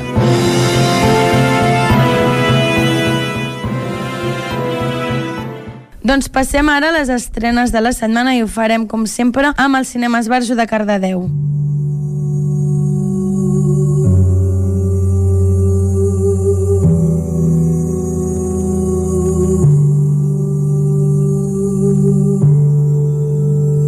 Recordo com se'm va encongir el cor el primer dia que vam arribar a Colònia. Em mancava l'aire, talment com si els pulmons haguessin quedat inundats de la pluja... Doncs comencem amb Terra de Talers, dins del cicle Gaudí, que s'estrenarà avui a la tarda a les 7 i en acabar hi haurà un cinefòrum amb la presència del director, actors i membres de l'equip de producció. És una pel·lícula del Joan Frank Xarazonet, on surt el Ramon Godino, l'Alba López o la Montse Ribadelles està en versió original en català i en ella parla de la Julieta, una nena de 6 anys que arriba juntament amb la seva família al lloc en el qual es desenvolupa la, no, la seva nova vida sobre un carro i amb un bagul com a únic equipatge. Els records d'una infància feliç, marcats per la industrialització, l'ànima d'una nena que es converteix en dona i la duresa de la guerra fins a la caiguda de la dictadura, l'acompanyen durant més de 60 anys mostrant tots els camins que el destí li ofereix. تقلب على خدمة. ما محتاجاش العوين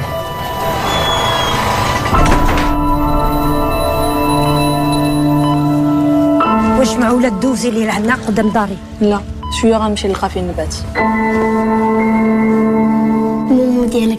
I aquest cap de setmana, 19, 20 i 21, a les 8 de la tarda i diumenge a les 7, s'estrena al cinema Esbarjo de Cardedeu Adam, una pel·lícula en versió original en francès que estarà subtitulada al castellà. I en ella veurem a l'Abla, vídua i mare d'una nena de 8 anys que regenta una modesta botiga de rebosteria tradicional marroquina a la Medina de Casablanca. La seva rutina diària es veu interrompuda un dia per l'arribada de la Sàmia, una jove embarassada que truca a la seva porta buscant feina i un sostre on dormir. Buenos días, señorita García. Buenos días, amor. Te echo de menos. Qué ganas tengo de besarte. Ya, bueno. Algún día. Se decreta el toque de queda. Todos los ciudadanos no autorizados deben permanecer en sus casas. Aumentan las tensiones al inicio de la semana 213 de confinamiento. Emerge una nueva realidad. COVID-23 ha mutado. Iniciando escáner de temperatura. Al cinema Sucre de Vic aquest cap de setmana tenim Immune, que s'estrenarà demà divendres, una pel·lícula d'Adam Mason. Tracta sobre l'any 2024 i sobre la Covid-19. Representa que han passat dos anys des de que una pandèmia mundial va assolar el món. El virus Covid-23 ha patit una nova i perillosa mutació amb un 50% de mortalitat que va obligar els governs a ordenar un nou confinament mundial. El Nico és un repartidor que ha desenvolupat una poc comuna immunitat al virus que li permet seguir treballant. El Nico vol estar amb la seva nòvia, la Sara, però per això haurà de superar la llei marcial i enfrontar-se a gent perillosa, poderosa i molt desesperada. Una pel·lícula una mica real i una mica ciència-ficció, a mi no em ve gaire de gust, però segur que està superbé i la teniu al Cinema Sucre de Vic.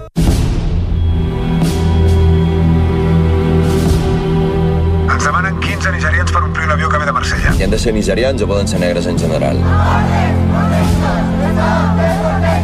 I qual és el crim? I per acabar, al cinema Comtal de Ripoll aquest cap de setmana podreu trobar La dona il·legal, el Fernando Vila és un advocat d'immigració que accepta un cas aparentment senzill, evitar la deportació d'una jove kosòvar, la cita Kransniki. Tot canvia quan la noia apareix morta al CIE, al Centre d'Internament d'Estrangers, i les autoritats declaren que s'ha suïcidat.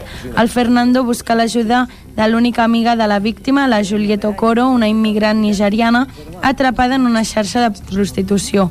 Mentre el Fernando prova d'esclarir els fets, troba la fèrria oposició del cap de la policia, l'Oriol Cadenes, i aviat comença a destapar un cas de corrupció i abusos sexuals dins del sistema de deportacions de l'estat espanyol. Aquesta pel·lícula del Ramon Térmens la podreu veure aquest cap de setmana al cinema Comtal de Ripoll. Ok, ja em sembla bé, eh? No, no, però millor busca't un altre. Si no folles, per què no tornes al teu país, puta negra de merda?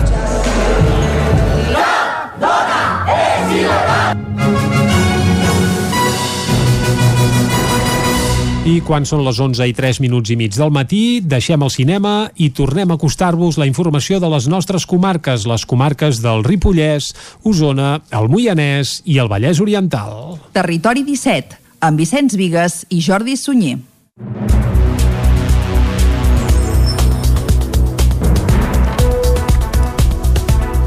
Pocs canvis a la situació epidemiològica als hospitals d'Osona. La xifra d'ingressats per Covid-19 es manté per sota de 50 i puja una persona respecte a la setmana anterior.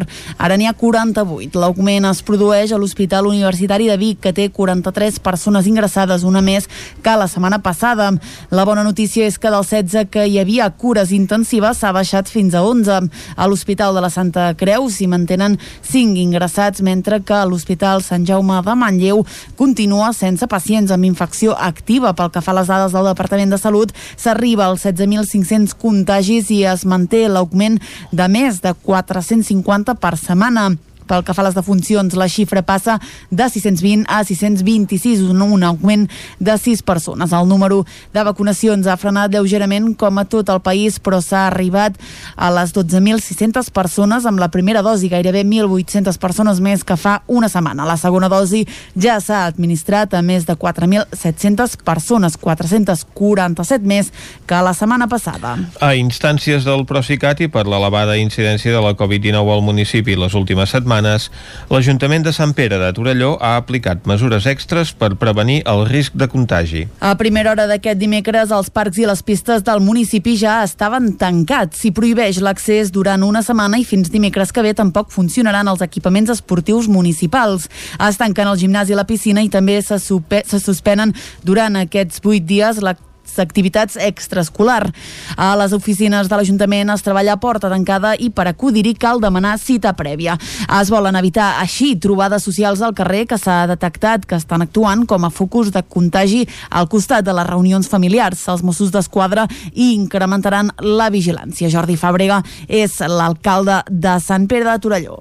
S'ha pogut comprovar que tot ve per temes de relació social Bàsicament, quan xerrem en el carrer, quan xerrem a les places, quan conversem i que estem molta estona parlant, eh, en, també en el marc de casa nostra, quan fem un dinar amb altra gent que no sigui només el nucli estrictament de convivència d'aquell habitatge, tots aquests factors són determinants a l'hora de transmetre-ho. I som conscients que és molt carregós, que és molt pesat, que la gent està esgotadíssima, que totes, i tots estem molt cansats, però, ostres, tots els esforços eh, són necessaris per intentar contenir, no? perquè aquí ens hi juguem la salut de les persones. A Sant Pere, que té uns 2.400 habitants, s'hi han detectat 45 casos de Covid-19 en 7 dies. L'índex de risc s'acosta als 6.400 punts i la taxa de reproducció a 3. El comitè i la direcció de Gilbau acorden reduir a la meitat els acomiadaments previstos per l'ERO. El 93% de la plantilla de Girbau ha referendat el preacord al que dilluns al matí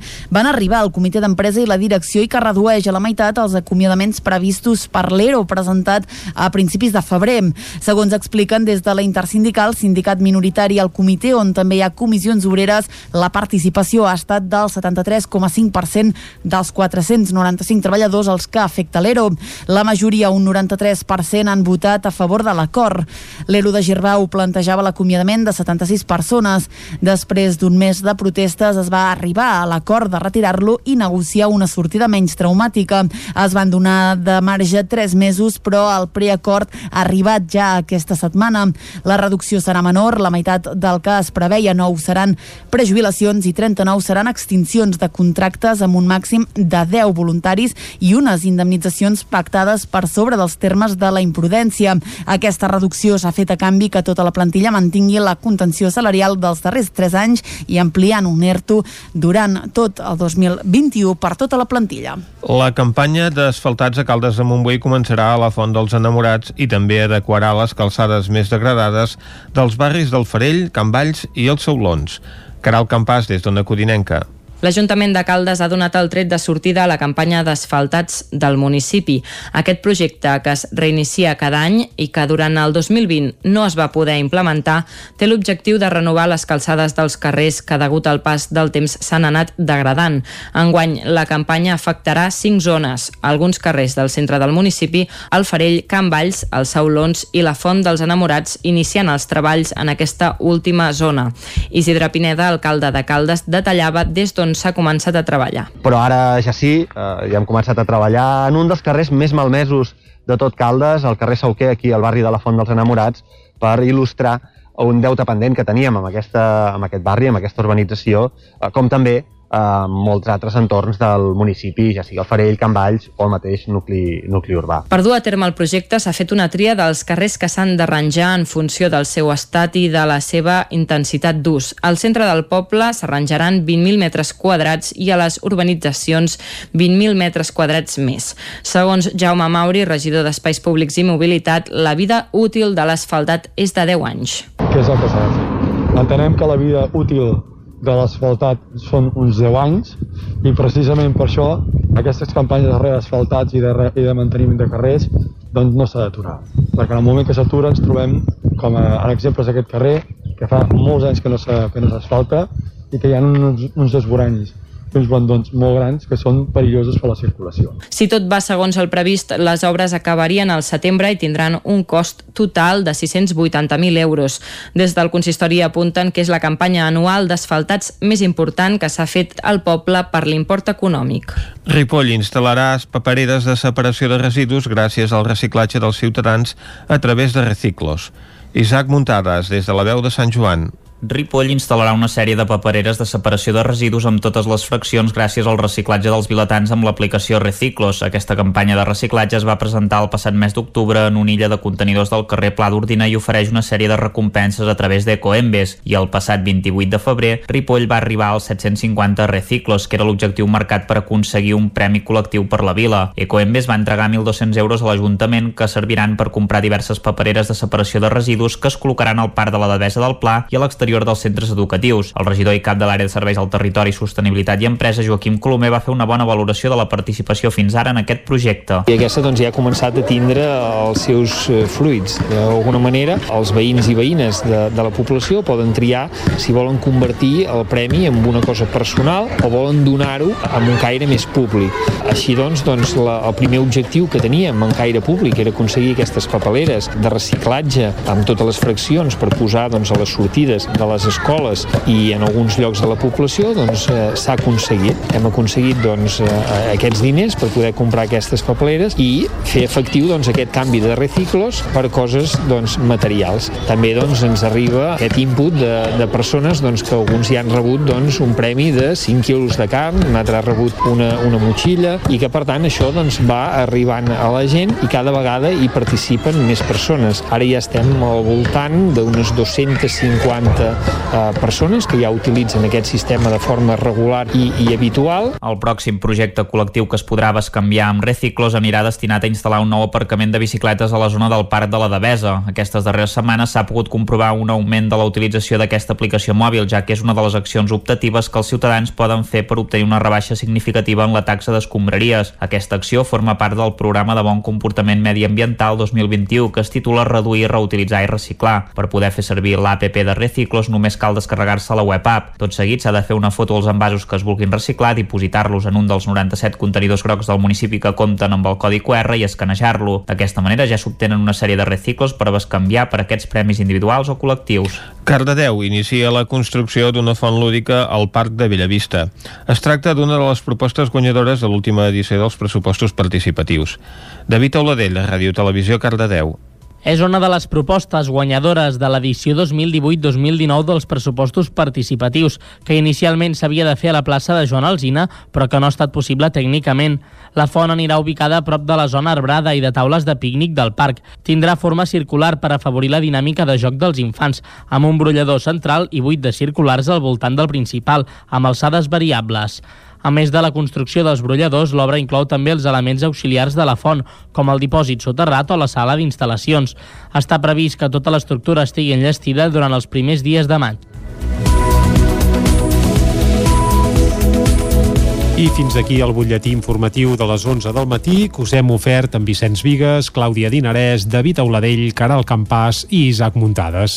Ara el que toca és fer una molt breu pausa i tornarem de seguida. Amb què? Doncs amb en Jordi Soler, que cada 15 dies ens visita aquí a Territori 17 per alegrar-nos interiorment.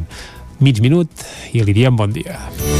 Territori 17. Envia'ns les teves notes de veu per WhatsApp al 646 079 023. 646 079 023. WhatsApp Territori 17.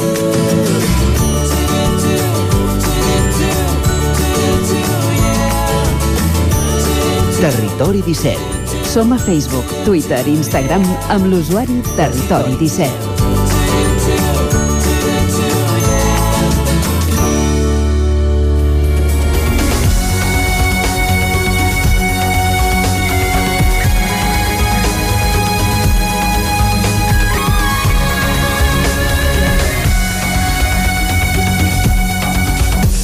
I quan gairebé són un quart de 12 del matí, Vicent, ja tenim en Jordi Soler aquí a l'estudi del Sí, sí, nou. FM, eh? I tant, ja el tenim a punt Físicament, perquè... a més, eh?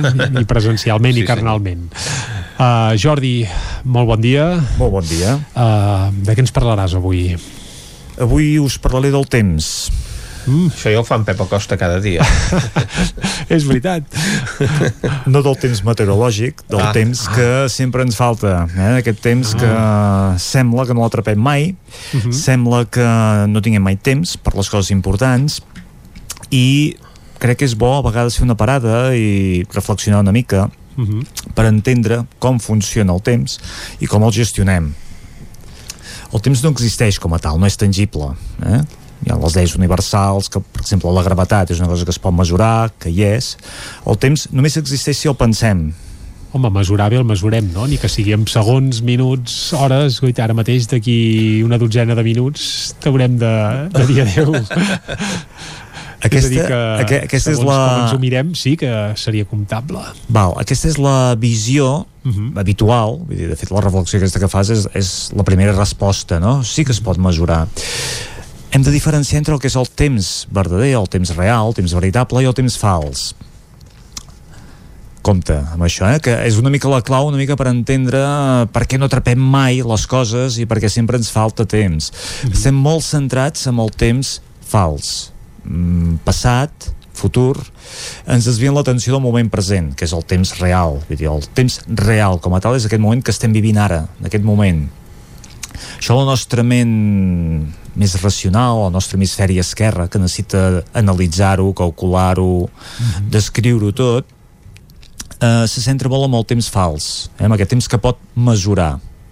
De fet, la part científica, eh, la part, diguéssim, el que, pot, el, que- el que podem llegir a, a Wikipedia, la definició, ens diu que el temps és la magnitud física amb la que mesurem la durada o separació d'esdeveniments subjectes a canvi dels sistemes observats fixa't, eh? és una descripció allò mm, que requereix temps també eh? Sí, però que vindria a ser una mica la, la que t'apuntava jo, entre cometes sí, eh? és sí, la magnitud que permet ordenar els esdeveniments en seqüències establint un passat, un present i un futur eh? donant lloc al principi de causalitat que és un dels axiomes del mètode científic el mètode científic, la part racional necessita moltes definicions podem explicar-ho de moltes maneres el temps real no necessita definició el temps real és l'ara i aquí. Llavors és bo fer una mica aquesta mirada ampla que diem sempre per entendre realment quin és el temps que importa. El temps és el bé més valuós que posseïm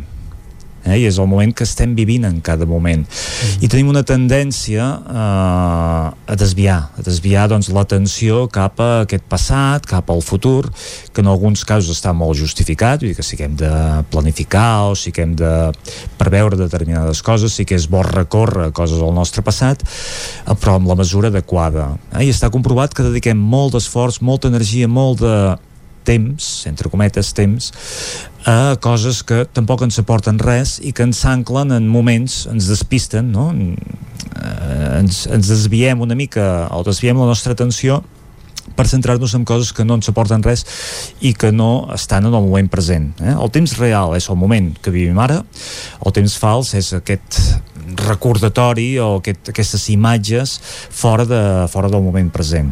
Mm -hmm. Crec que això és una mica bo començar fent aquesta, aquesta diferència. Per entendre més bé aquesta diferència entre el que és el temps real o el temps fals, el que comentava abans dels hemisferis cerebrals. L'hemisferi esquerre és l'hemisferi matemàtic, racional, lògic, seqüencial, eh? el que necessitem, diguéssim, per fer coses mecàniques. Aquest hemisferi calcula, però és, necessita un temps, eh, tornem a dir temps, uh -huh. per fer les coses.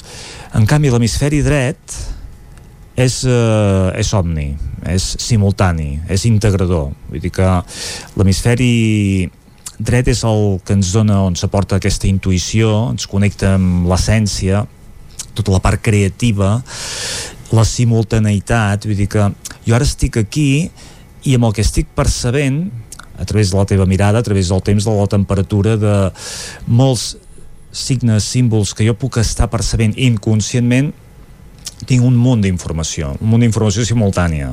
Això la meva ment racional no és capaç d'assimilar-la. La meva ment racional necessita, doncs, eh, posar un ordre, no? posar un primer, un segon, un tercer, entendre-ho, analitzar-ho, uh -huh. cosa que l'hemisferi dret doncs, no ho necessita, simplement sap tot un seguit de coses simplement en, en percebre-les, en sentir-les, en veure-les tant la ment, els dos hemisferis també ens, ens situen com treballem, eh? vull dir, si som gent molt centrats en la part eh, racional o més aviat en la part creativa sabrem si estem molt anclats amb el temps real o el temps fals i això és també en els modes de fer o de ser eh? quan ens basem en el que sentim o ens basem en el que fem eh? és l'hemisferi dret, hemisferi esquerre hi ha una cosa que hem de tenir en compte, això que ens falta temps, que no atrapem les coses, és la presència dels lladres del temps. Eh? Els lladres del temps, un lladre del temps és tot allò que... Aquests n'hi ha molts. Sí, n'hi ha molts.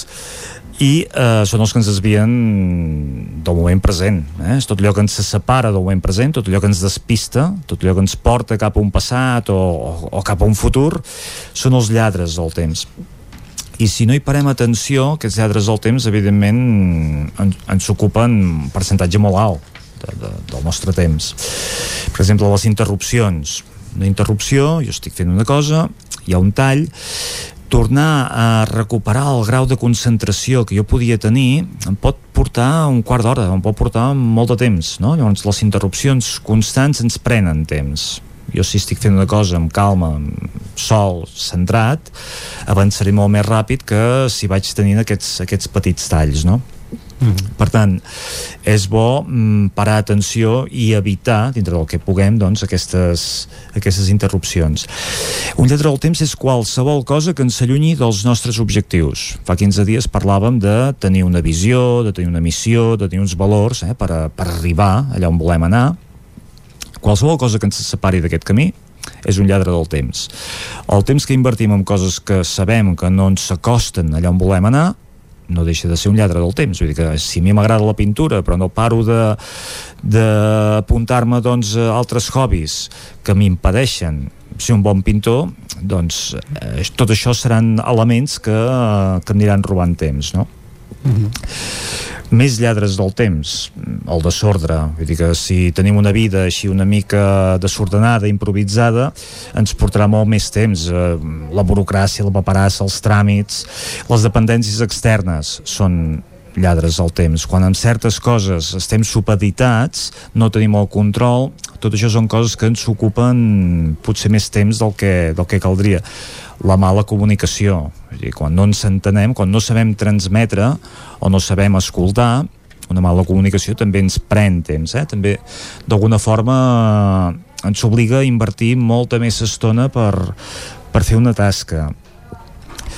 Saber filtrar la importància o les prioritats a l'hora de fer coses també pot ser una forma de perdre temps. Eh? Les, les prioritats que són doncs, el que és urgent i el que és eh, important, mm -hmm. això ho haig de fer, primer de tot. Mm -hmm. Això ho haig de posar davant. Quantes vegades ens hem dedicat a cosetes eh, bueno, que, que no són importants però que ens agrada fer-les, no? I en definitiva el que estem traient és temps el, el que és realment important i urgent. Si una cosa és urgent i no és important, què fem? Què fem, Jordi? Si una cosa és urgent, Suposo però no és important. La, la urgència és sempre relativa, però si cal fer-ho, per molt que no sigui important, doncs la fem, no? Si és urgent però no és important, i ens ho podem permetre, evidentment, la deleguem, eh? la traspassem, mm -hmm. perquè moltes vegades ens posem a fer coses que són urgents però que, bueno, que, que ho pot fer una altra persona, no? Vull dir que dius, bueno, doncs... Jo m'imagino, en el cas de d'un metge, no? Vull dir, doncs, eh, té que operar o es posa a netejar la sala. Tot és important, eh? tot és important en el, o tot és urgent -huh. però el grau d'importància que pugui tenir l'operació envers la neteja doncs segurament que és diferent doncs saber posar cadascú, cadascú en el seu lloc doncs ens pot ajudar. Saber, saber delegar. Uh, distraccions habituals. Lladres del temps que et vinguin ara al cap Jordi Ostres, clar, és que a mi me'n venen molts, eh? però el badar és un gran lladre del temps, però clar, com que no deixa de ser un plaer, i qui diu el badar diu l'escoltar música, coses que, bé, que t'omplen, que són fantàstiques, però que potser fan que, no sé, aquest vespre, si jo em poso a escoltar un parell de discos, potser superé més tard del compte. I... Això consideres algú... que és un lladre del temps? Si ho gaudeixes, si ho sents, si et connecta amb, amb el moment present? Tu pots estar escoltant música uh mhm. -huh i està molt connectat i està molt en el, en el moment Sí, segurament que sí, però bé ja, eh, jo no ho considero evidentment una pèrdua de temps, per tant, però segurament és... hi ha altri que sí que ho consideraria perquè dir, home, tu en, compte, en comptes d'estar aquí badant i escoltant no sé què, podries estar fent el sopar no? i això passa sovint eh? per exemple però vaja però uh, si, si, si, si això et connecta amb el que, amb el que estàs fent estàs en el moment present, estàs en el temps real, això està bé. Un lladre del temps és allò que, que ens distreu del nostre propòsit. Per exemple, internet, la, la, la televisió, no? Vull dir que la televisió, si és per tenir doncs, una informació o que és una cosa creativa que ens aporta, està molt bé. Però si és el zapping compulsiu seria, oh. per exemple, una pèrdua de temps. Això mateix, vull dir, mirar per mirar, no? És que, bueno, jo me sento al sofà i, i, i el que arribi, no? Fan. Doncs això és un gran lladre del temps, perquè moltes vegades quedem allà enganxats, eh, estem consumint el que ens donen i estem desaprofitant el temps. Per tant, hi ha aquests hàbits que a vegades dius, bueno, jo haig d'accedir a una informació a internet, però d'aquí me'n vaig allà i vaig saltant i estic invertint molta estona en coses que no era el meu propòsit inicial, no? Per tant, l'internet i la televisió, doncs, mmm, són lladres. El temps no posar terminis de finalització a les tasques, no? Vull dir, quan no ens posem un fi, s'allarguen, tendim a procrastinar, tendim a posposar, i també ens pren molt temps. Vull dir, saber posar terminis ens pot ajudar una mica a, a situar-nos D'aquí ens aniríem a saber gestionar l'energia. gestionar l'energia per optimitzar el nostre temps. El principi de Pareto, i amb això acabo, eh? perquè estem, estem arribant al final. Se t'acaba el temps. Ens diu que eh, se m'acaba el temps. Amb el 20% del nostre esforç obtenim el 80% dels resultats. Eh? Això una mica confirma que estem perdent una mica la nostra energia, estem destinant la nostra energia a coses que potser no necessitem. Amb un 20% de la nostra energia podríem aconseguir la, ma la major part del que, del que necessitem. I aquí ho deixem. Doncs déu nhi hem tingut temps de repassar una mica com perdem el temps. Per tant, cadascú que reflexioni una mica a la seva manera, nosaltres també ho farem. Jordi, t'esperem d'aquí 15 dies. Moltes gràcies. I Vicenç, sense perdre més el temps, fem una petita pausa, pausa i tornem de Tot seguida, seguit. sí? Sí, Doncs senyor. Va, fins ara, seguim aquí a Territori 17. Fins ara.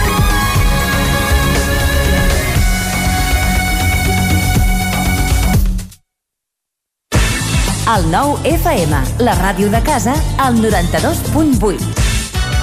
A Montse Estètic Vic celebrem dos anys. Tant si ets client nostre com si ens acabes de conèixer, gaudiràs de descomptes i promocions tot el mes de març. Aconsegueix un 2 per 1 en la depilació làser al portar un amic o amiga i enamora't gratuïtament de la presoteràpia mentre et fem un tractament facial. Cuida't més que mai. Ara amb el 20% de descompte en tots els productes. Vine a Montse Estètic i mima't. Ens trobaràs a l'Avinguda Pius 12, número 26 de Vic. Al telèfon 672 1704 23 i a la web montseestètic.com. Els dies 25 i 26 de març se celebren les eleccions agràries. Les votacions seran únicament pel sistema de votació electrònica. Pots votar remotament amb l'IDCAT certificat, el DNI electrònic, altres certificats reconeguts o amb el sistema de reconeixement biomètric. També pots votar de manera presencial amb el DNI des de qualsevol dels punts d'assistència al vot electrònic. Tots els punts comptaran amb les mesures sanitàries necessàries per garantir la teva salut i la de tothom. Més informació a agricultura.gencat.cat Generalitat de Catalunya. Hi ha sensacions que són úniques. Aquell bany relaxant, mirar per la finestra quan plou i com les calderes Bailand, que li ofereixen fins a 15 anys de cobertura total amb el servei tècnic oficial Bailand. Informis a Oficiat Nord trucant al 93 886 0040. Amb el servei tècnic oficial de Bailand, la seva caldera estarà en les millors mans. Cocodril Club.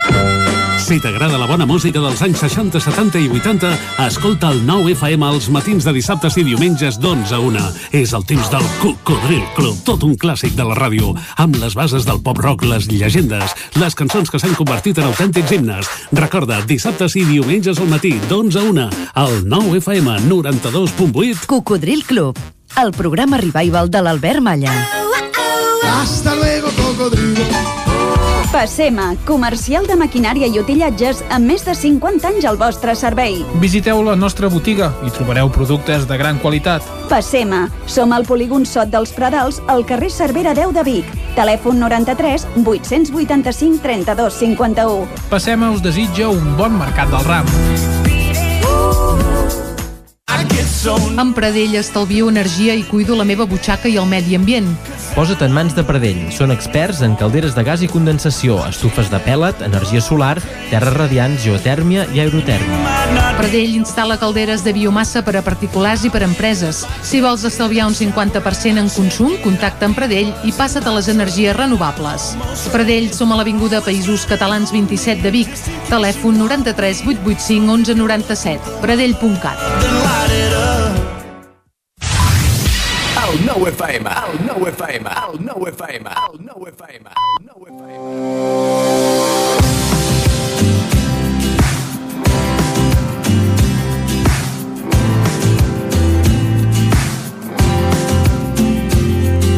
La Roca del Vallès, població del Vallès Oriental, manté amb orgull la seva connexió amb el passat, amb una interessant oferta que ha crescut a partir dels jaciments arqueològics fins a desenvolupar una ruta prehistòrica amb les pintures de la pedra de les Orenetes com a protagonistes, analitzar la importància d'aquest indret en l'època romana o recórrer l'època medieval a través d'edificis de defensa, com el Castell de la Roca o la Torre de Sant Miquel.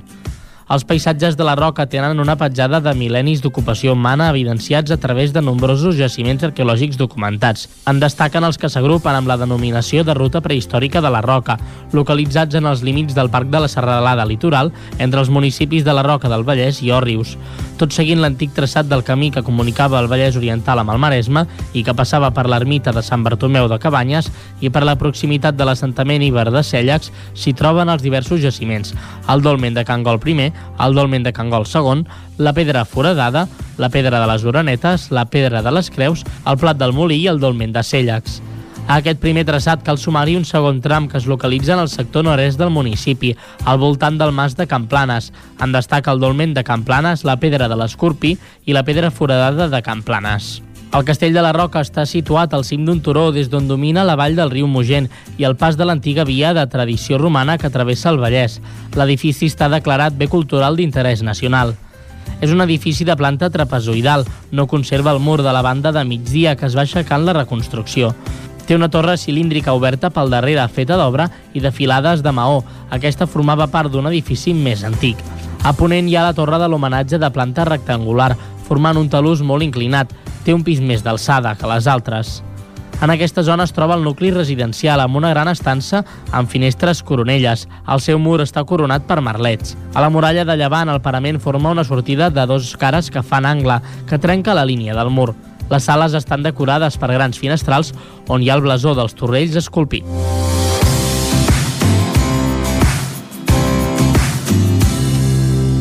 Territori 17 i escolta, la Roca del Vallès si ens pensàvem que només hi havia botigues a la Roca, almenys jo, eh? resulta que, que hi ha un patrimoni també espectacular i, i ben interessant. I haurem de fer cap, Vicenç. Doncs ens hi haurem d'acostar, sí senyor. Va, a la Roca del Vallès eh, no hi passa la R3 no però em sembla que sí que tenen tren, no? No. Ara pla, no? No, hi passa la R2. Oh, ara pla. uh, bé, sigui com sigui, és que ho volia enllaçar, eh? ho volia enllaçar que, que per... a Cardedeu i així Exacte. ja ho tenen més a prop. Doncs va, sigui com sigui, sí que ens toca anar a la R3, no serà des de la Roca, serà des d'on faci falta. Ens hi capbussem? Som-hi. Doncs anem-hi. A Trenc d'Alba, edició pandèmia Ara sense els usuaris que ens explicaven les seves desgràcies a la R3, però amb els mateixos retards i problemes de sempre. Benvinguts a Tren d'Alba. Un dia més us segueixo explicant que Renfe va adjudicar a Alstom i Stadler la compra de 211 trens de gran capacitat per Rodalies. Doncs bé, les licitacions superen en conjunt els 3.500 milions d'euros i generaran uns 52.000 llocs de treball aproximadament. La primera d'aquestes licitacions va ser adjudicada el passat mes de juny a l'empresa Construcciones i Auxiliar Ferrocarriles pel subministrament de 31 trens d'ample mètric i 6 trens alpins i el manteniment parcial de la flota de trens durant un període de 15 anys per un import global de 258 milions d'euros. A més, en els pròxims mesos Renfe té previst adjudicar diversos contractes per l'adquisició de 43 trens de mitja distància, 38 de rodalies i tots ells híbrids que es destinaran al servei en diferents comunitats autònomes. Igualment està previst que s'adjudiqui un contracte per la compra de 40 caps motrius que aniran destinades a la línia d'alta velocitat. Molta inversió que espero que passi per Catalunya, però em sembla que els meus companys de programa ja han advertit ahir que tot es queda pels vols de Madrid. Va, ens retrobem demà amb més històries del tren i de la R3. Territori 17. Sí, sí, ho vam dir perquè, mm. perquè escolta, la realitat és, és claríssima, eh, Vicenç? Uh, tant de bo que envi i arribi alguna inversió a la R3. De moment, de moment el que sí que arriba és el racó de pensar. Sí? Doncs, doncs... anem cap al racó de pensar. Anem-hi. El racó de pensar, a Territori 17. I el racó de pensar cada setmana ens hi espera la Maria López. Maria, molt bon dia. Molt bon dia, Jordi Vicenç, com Hola, esteu? Hola, què tal? Eh, anar fent, anar fent. Bé, bé, bé, bé, bé, bé. A veure, això m'ha impactat, eh, això de que pensàveu que a la Roca només hi havia botigues. Bé, Però això era una, una ruta turística una mica per la amb- zona. Hi ha, hi ha molts equipaments a la roca de tota mena. També, també. Hi ha molts, deixem-ho així. Sí, sí. No? No, Haurem hi, ha- hi ha un una teatre sortida auditori popular molt, molt Territori divertit 17. també, eh? Ah. Uh, sí, jo l'he visitat una vegada i em va agradar molt. Perfecte. Doncs Maria, escolteu, vindrem, eh? això. Vindrem un dia a fer una ruta per la Roca, va. Per favor, per favor, que farem una bona excursió i així us ensenyarem també altres coses que no són botigues per aquí a prop. Bé, podem jugar a golf, Va, mireu, no, també a som-hi. la Roca del Vallès. El què? Que podem jugar a golf també a la Roca del Vallès. Aquí has tocat un tema sensible a Cardedeu, eh? Ja, no sé ja. jo si... Aquí no sé està. jo si, si anem encertats ara traient aquí polèmiques, an- antigues polèmiques Bé, de, bé, de és, la és zona. el que fan a la Roca, no? Anar creant equipaments al voltant dels límits dels altres termes municipals. I, així, I així, i així van, i així estem, de contents tots, eh? Però Va, avui no parlarem de mireu. golf, eh, Maria? No, no, no, no, no. Com es diria, corramos un tupido velo, no?, que diuen. Uh -huh. Va, fa unes setmanes, us, us recordo un, un, una visita que ja vam tenir fa unes setmanes, perquè avui farem com, com versió, versió 2, diguéssim, des d'un altre punt de vista. Fa unes setmanes vàrem tenir a l'estudi en José Alonso, que és professor de l'Institut Pla Marcell, i va venir uh -huh. la Inatella, també, que és tècnica de participació de l'Ajuntament. I ens van estar parlant d'un projecte nou que han tirat endavant entre l'Institut i l'Ajuntament. És un, el, el projecte Som Cardedeu. És un, projecte, un projecte on els alumnes de l'Institut passen 15 dies fora de l'aula per conèixer una mica més en profunditat diverses entitats i associacions que tenim a Cardedeu, que hi ha al municipi. Entre aquestes entitats trobem moltes lligades a la cultura popular, com els gegants o els diables, però també altres amb un caire una mica més solidari, com associacions lligades a la integració de persones amb discapacitat o associacions directament de caire social, com la plataforma d'afectats per la hipoteca. L'objectiu d'aquest projecte és, d'una banda, donar a conèixer molt més les entitats del municipi al sector més jove, però existeix també un rerefons molt interessant que suposa precisament fomentar la participació d'aquests joves, la implicació de les persones en general a la nostra societat. Avui volem recuperar aquest projecte, en volem tornar a parlar, però des d'un altre punt de vista. I ho volem fer des del punt de vista de tres de les protagonistes de la història. Elles són tres joves de l'Institut Pla Marcell que han viscut aquests 15 dies d'endinsament amb les entitats, que avui les hem segrestat de l'aula, per dir-ho d'alguna manera, i les hem portat, estan aquí a l'estudi amb nosaltres.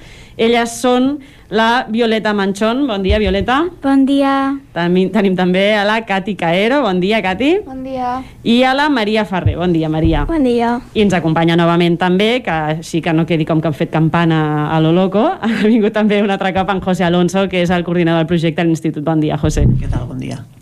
A veure, l'objectiu una mica d'avui era, ens va semblar molt interessant quan ens vau parlar d'aquest projecte ara fa unes setmanes, però sí, en el fons el que ens passa moltes vegades al racó de pensar és que parlem tot des del punt de vista de, de l'adult, no? I parlem de projectes que es fan, de certes iniciatives, però per l'horari en què tenim la tertúlia, doncs a vegades ens falta aquest punt de vista dels que ho estan visquent en primera persona i de fins a quin punt un projecte us ha arribat a calar o no. Així que avui que hem tingut l'oportunitat de, de que vinguessin les tres protagonistes, no l'hem volgut deixar, deixar perdre. Maria, Violeta, Cat i vosaltres tres ja heu passat per aquests 15 dies, heu estat fora de les aules eh, coneixent diferents entitats del municipi. Així d'entrada, no sé si hi ha alguna de les entitats per les que heu passat que us hagi com cridat especialment l'atenció. Sí, la veritat és que la Paqui ens ha interessat molt, almenys a mi, perquè s'implica molt per als joves i és molt divertit, la veritat. La Paqui, per la gent que no és de Cardedeu, que ens estigui escoltant, és el casal de joves de Cardedeu. Què és el que us va, d'alguna manera, cridar l'atenció de la Paqui? Maria. Doncs que... Eh, o sigui, ens entenien i era molt guai perquè amb els adults no, no ens entenen tant i ells han viscut en altres èpoques i ells ens entenen molt i ens ajuden en tot el que necessitem. José, no escoltis. per al·lusions. No, escol no escoltem, tio. No, m'ha agradat molt això que d'alguna manera, que us sentíeu d'alguna manera molt enteses. Vau estar, imagino, un dinamitzador. Si no, si podeu explicar una miqueta en què va consistir l'activitat. Um, bueno, va vindre dues persones, bueno, la Mat i la Mònica, i ens van explicar una mica uh, sobre què era la, pari, la Paqui, sobre què anava una mica, si, el, si la coneixíem o no, i ens van dir que, que ens semblava que, bueno, almenys a nosaltres ens van dir que ens semblava que els joves poguéssim escollir el que fem, en plan a l'estiu, al casal o així, fer les activitats que nosaltres més ens interessin. I ens, bueno, ens van preguntar, ens van fer algunes activitats i al final pues, vam, vam dir que, que creiem que sí que era important que nosaltres poguéssim a, escollir el que volíem fer, no que ho fessin tots els adults, sinó alguna cosa que ens agradés més a nosaltres. Considereu que sol passar això, per exemple, amb les activitats d'estiu? Suposo que quan éreu més peques i anàveu al col·le us apuntaven directament a un casal d'estiu, si és que la família treballava i no es podia fer càrrec. Ara que ja no aneu a l'escola i aneu a l'institut, us trobeu potser que quan arriba l'estiu l'oferta que ja no és la que us agrada?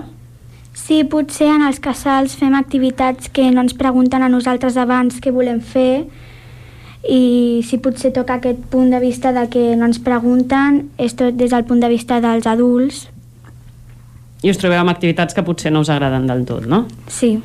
D'alguna manera, el que potser us van venir a explicar en aquell casal, entenc, és que vosaltres podeu d'alguna manera participar i opinar també dient com us agradaria que fossin els vostres casals d'estiu. Però què implica llavors que això també hagueu d'opinar?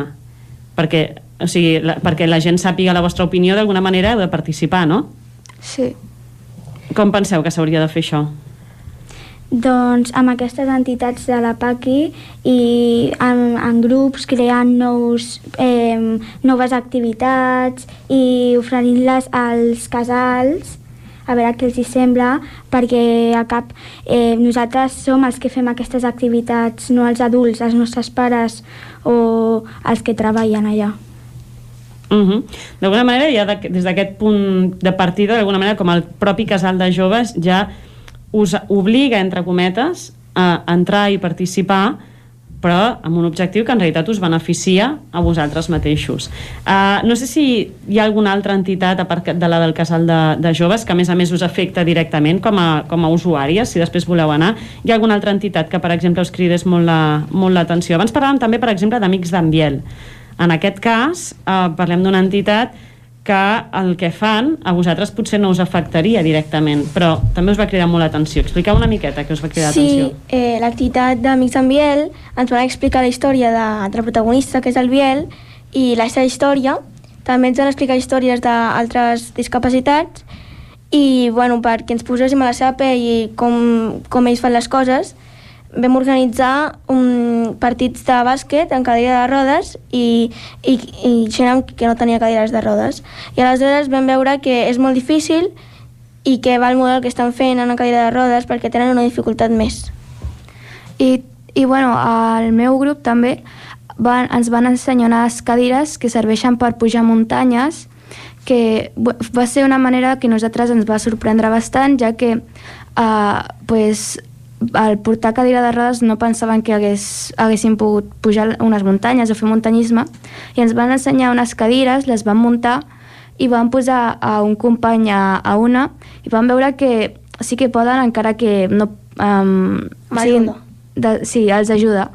I bueno, va, ens van pujar i van veure que per poder pujar ells han de, necessiten ajuda d'altres persones i vam dir que, bueno, que això ens semblava molt bé, que aquest, aquest tipus de cadires que, que ens agraden bastant perquè, per, perquè aquesta experiència no, no se'ls vagi de les mans a, aquest, a les persones que no poden o si els fa més complicat poder pujar muntanyes o fer activitats d'aquest tipus. Ja, vosaltres sabíeu aquestes eh, tipus de bicis de les que parles, jo precisament havia fet un reportatge amb amics d'en Biel i una de les coses que em van explicar que els hi cridàvem que més era una sensació nova per, per qualsevol persona que va amb cadira de rodes, que és que no estava acostumada a anar pel mig del bosc i tocar els arbres, perquè és una cosa que anant amb cadira de rodes és impossible, no? i aquestes bicis és com que t'ho permeten. I si hi ha alguna cosa que ho permet és que entitats doncs, com Amic de, Amics d'Ambiel precisament doncs, faciliten que aquestes, aquest tipus de, de vehicles arribin a la gent que, que, li, que li podria fer falta per precisament viure aquestes, aquestes experiències.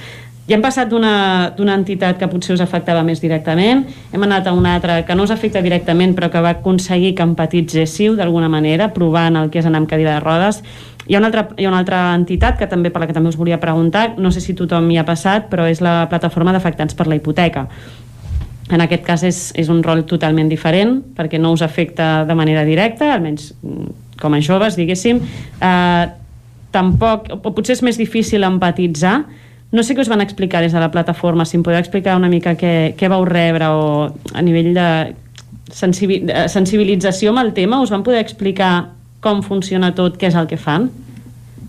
Bueno, doncs les persones que han perdut el treball o no poden pagar eh, la hipoteca i no tenen un sostre on viure, doncs eh, la PA eh, els ajuda, li dona un sostre i així a poc a poc les persones poden crear la seva nova vida eh, i així milloren. Sí, també ens van ensenyar una pel·lícula que era com una situació real d'una família que, que els hi treien de casa, que els, amb un, els policies anaven i els i trencaven la porta per treure'ls i vam veure que era una família d'una nena que, bueno, que els seus pares no li, no li van dir que, que els hi treien fora de casa i pues, al moment de sobte es va entrar tota la policia i la nena estava, no sabia què passava I bueno, quan ens va, vam mirar la major part de la pel·li, pues, ens van preguntar què, pensaven que, que els, li passava pel cap als policies, als pares i a la nena. I, i bueno, vam dir-ho, que la nena no sabia què passava, els pares vam dir que tenien... Eh, eh, no li deien a la nena perquè era molt petita i no, no, no podria entendre, que és una de les coses que passen que a vegades les famílies no són capaços de dir-los als nens més petits de la casa eh, que li trauran de casa perquè no tenen treball perquè és una cosa difícil de dir, no, no pots dir-li així com així a una nena ens anirem, no, ens trauran la casa perquè no treballo, o coses així, és difícil dir-li a algú que, pues, que ja no pots viure allà i pues, ens van ensenyar això, vam respondre a aquestes preguntes i més al final de la pel·li vam veure com la mare anava al banc a dir-li al banc, bueno, al que treballava allà que, i el que treballava allà li va dir que, que si no pagava això fins aquest dia eh, com es van anar a viure a casa dels seus pares perquè no tenien lloc on viure, pues va dir si no pagueu això, els teus pares tindran que, que pagar-ho per tu i si no ho paguen, li triburan la, la, la casa ells també. I ens va semblar una mica impactant que, que li traguessin la, la casa també als seus pares per el fet de tu no poder pagar-ho o així. I bueno, uh, i al final vam veure que aquestes situacions són molt difícils de, de portar perquè és una cosa que tu no pots dir-ho um, suportar, per així dir-ho perquè és, no poder pagar-ho, no poder trobar treball a, en, un- en un temps tan reduït, pues, costa. És complicat. I el, sí, és complicat. I el fet de que la PA t'ajudi és un, un suport que et donen que pues, fa que no et sentis sola en aquesta situació. I ens van ensenyar alguns casos que van portar, que, bueno, que va ser que, van, que es posaven a les portes i esperaven a que arribessi la policia i, i no els hi deixaven passar. Fins que la policia no s'anés, ells no s'anaven d'allà. Eren com una barrera de moltes persones i això a nosaltres ens va semblar molt, molt bé, molt bonic també que ajudessin a altres persones a poder trobar una altra casa a, i a que no els hi treguessin la casa així.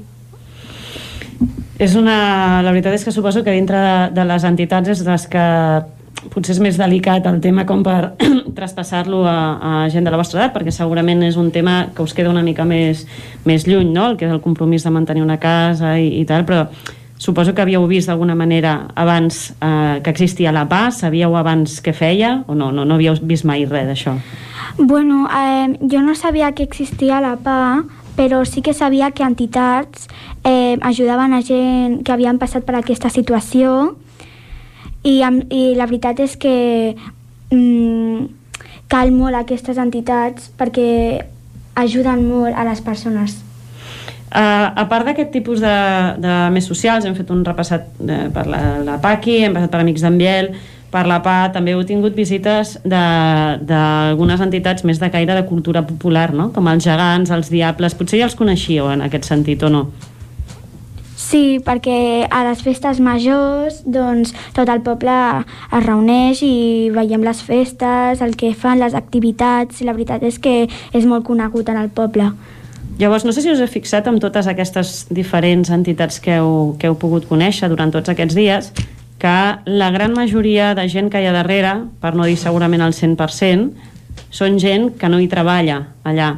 Són gent que fa això, d'alguna manera, per l'única intenció o d'ajudar altres persones, com és el cas d'Amics d'en Biel o com és el cas de la PA, o de, o de transmetre una cultura popular. Com ho veieu? Us, va, us, us fa estrany que d'alguna manera la gent dediqui el seu temps lliure a, al benefici de la resta? A mi em sembla molt bonic perquè bueno, hi ha entitats que ho fan per divertir-se, per ajudar altres persones, però que tu estiguis mm, fent una cosa que potser tu no et diverteixi o alguna però per ajudar altres persones, em sembla molt bonic, perquè estàs fent feliç a altres persones. A vosaltres què us sembla? Us, us veieu en alguna d'aquestes entitats d'aquí un temps? Bueno, sí, potser perquè ajudar sempre és una possibilitat i el teu temps, el teu temps lliure el pots aprofitar fent aquestes activitats. Jo probablement també em podria veure'm allà, com per exemple a, de cultura popular els gegants o així, perquè... Et van agradar els gegants? Sí, bastant. perquè vam tindre l'oportunitat de provar-nos els gegants tots, bueno, tots, crec la majoria, i la veritat que vam veure que la gent eh, s'esforça molt perquè s'han de posar unes coses a l'esquena perquè els gegants depèn de quin, pesen bastant i es pot fer mal l'esquena i el fet de que aquestes persones puguin fer això pel fet de que els agradi i, i poder eh, divertir alguna altra, a altres persones a les festes majors i tals, pues és molt bonic perquè a part de que els hi agrada i tal, fan que sí, es torni en una tradició en el poble o a la ciutat i fa que pues, la gent, per dir-ho així, es, ajunti més perquè en aquestes festes és on va més la gent i on, per dir-ho així, es diverteixen i coses com els bastoners, els gegants i els diables. Nosaltres d'alguna manera a Cardedeu sí que tenim aquest, eh, aquest tema, no? que tenim realment un teixit cultural i associatiu eh, molt, molt gran i potser és una cosa que hem, la tenim com molt interioritzada i ho donem molt per fet. Però no sé si us heu preguntat, ara després que he pogut conèixer totes aquestes entitats, com serien les coses aquí i a molts altres municipis si no existissin les associacions, si la gent no fes aquest gest. Què passaria si no existís la PA, si no existís Amics d'en Biel, si no existissin la colla de diables o els gegants, com serien les coses? Mm, jo crec que serien, a part d'avorrides, tu a lo millor necessites una cosa que els, que els teus familiars o els que tu coneixes no et poden ajudar. I la gent que està fent això eh, t'obre a mm, fer altres coses, divertir-te i fer altre, altres coses més que t'ajudin o que tu ajudis o en el temps lliure aprofitar-lo a ajudar altres persones i a divertir-te tu també.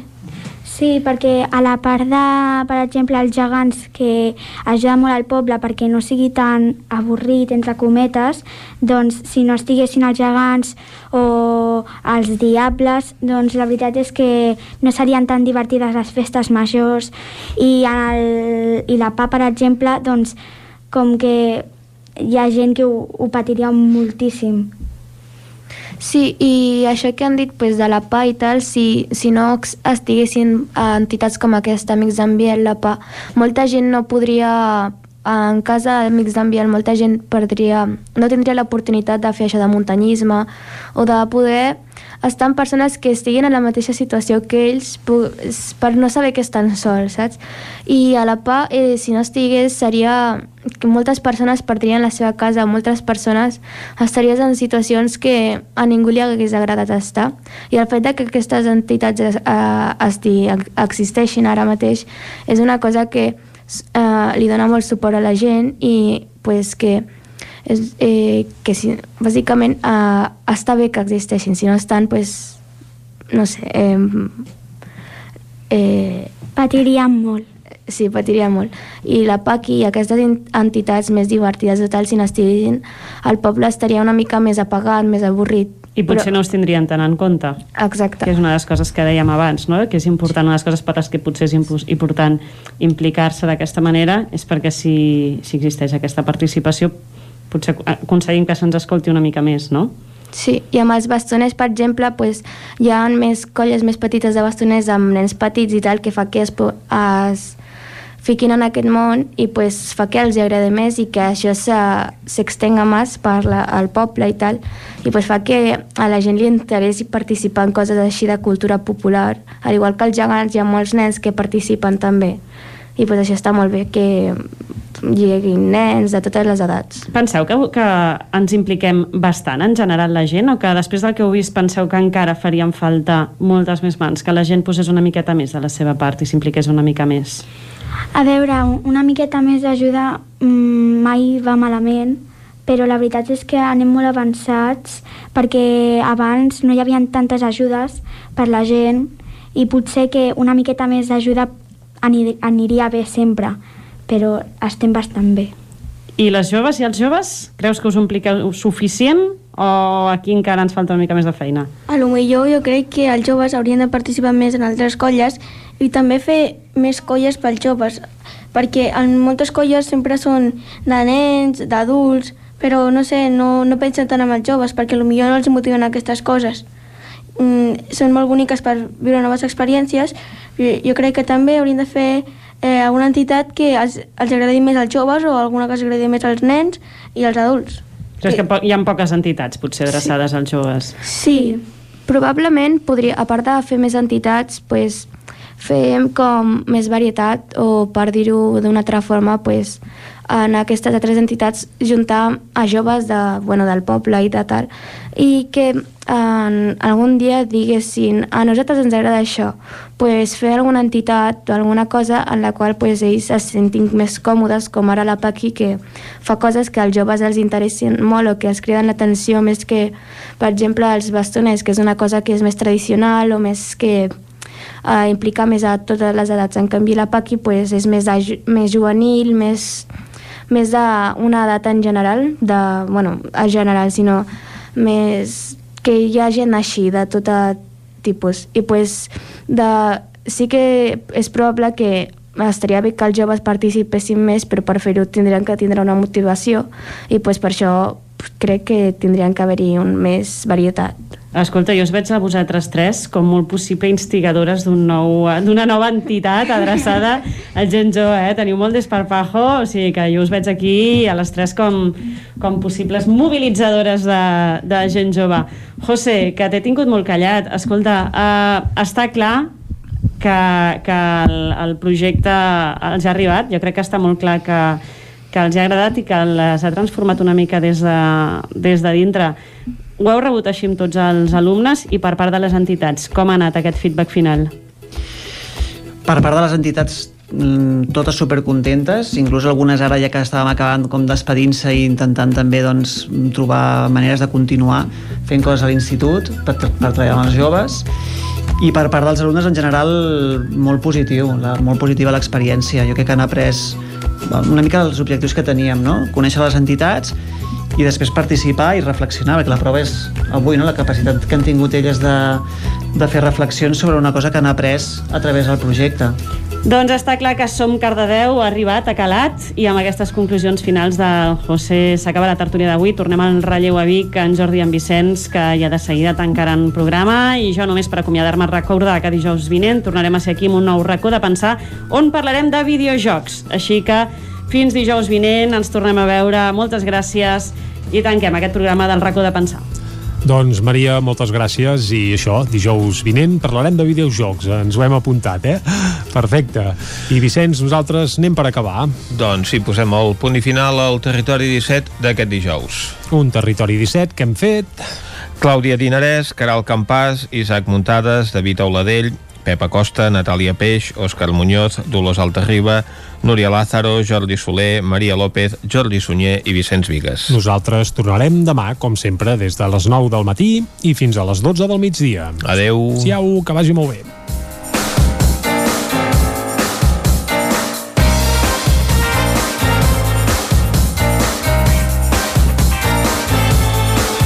Territori 17 un magazín del nou FM. La veu de Sant Joan. Ona Codinenca i Ràdio Cardedeu amb el suport de la xarxa. El nou FM.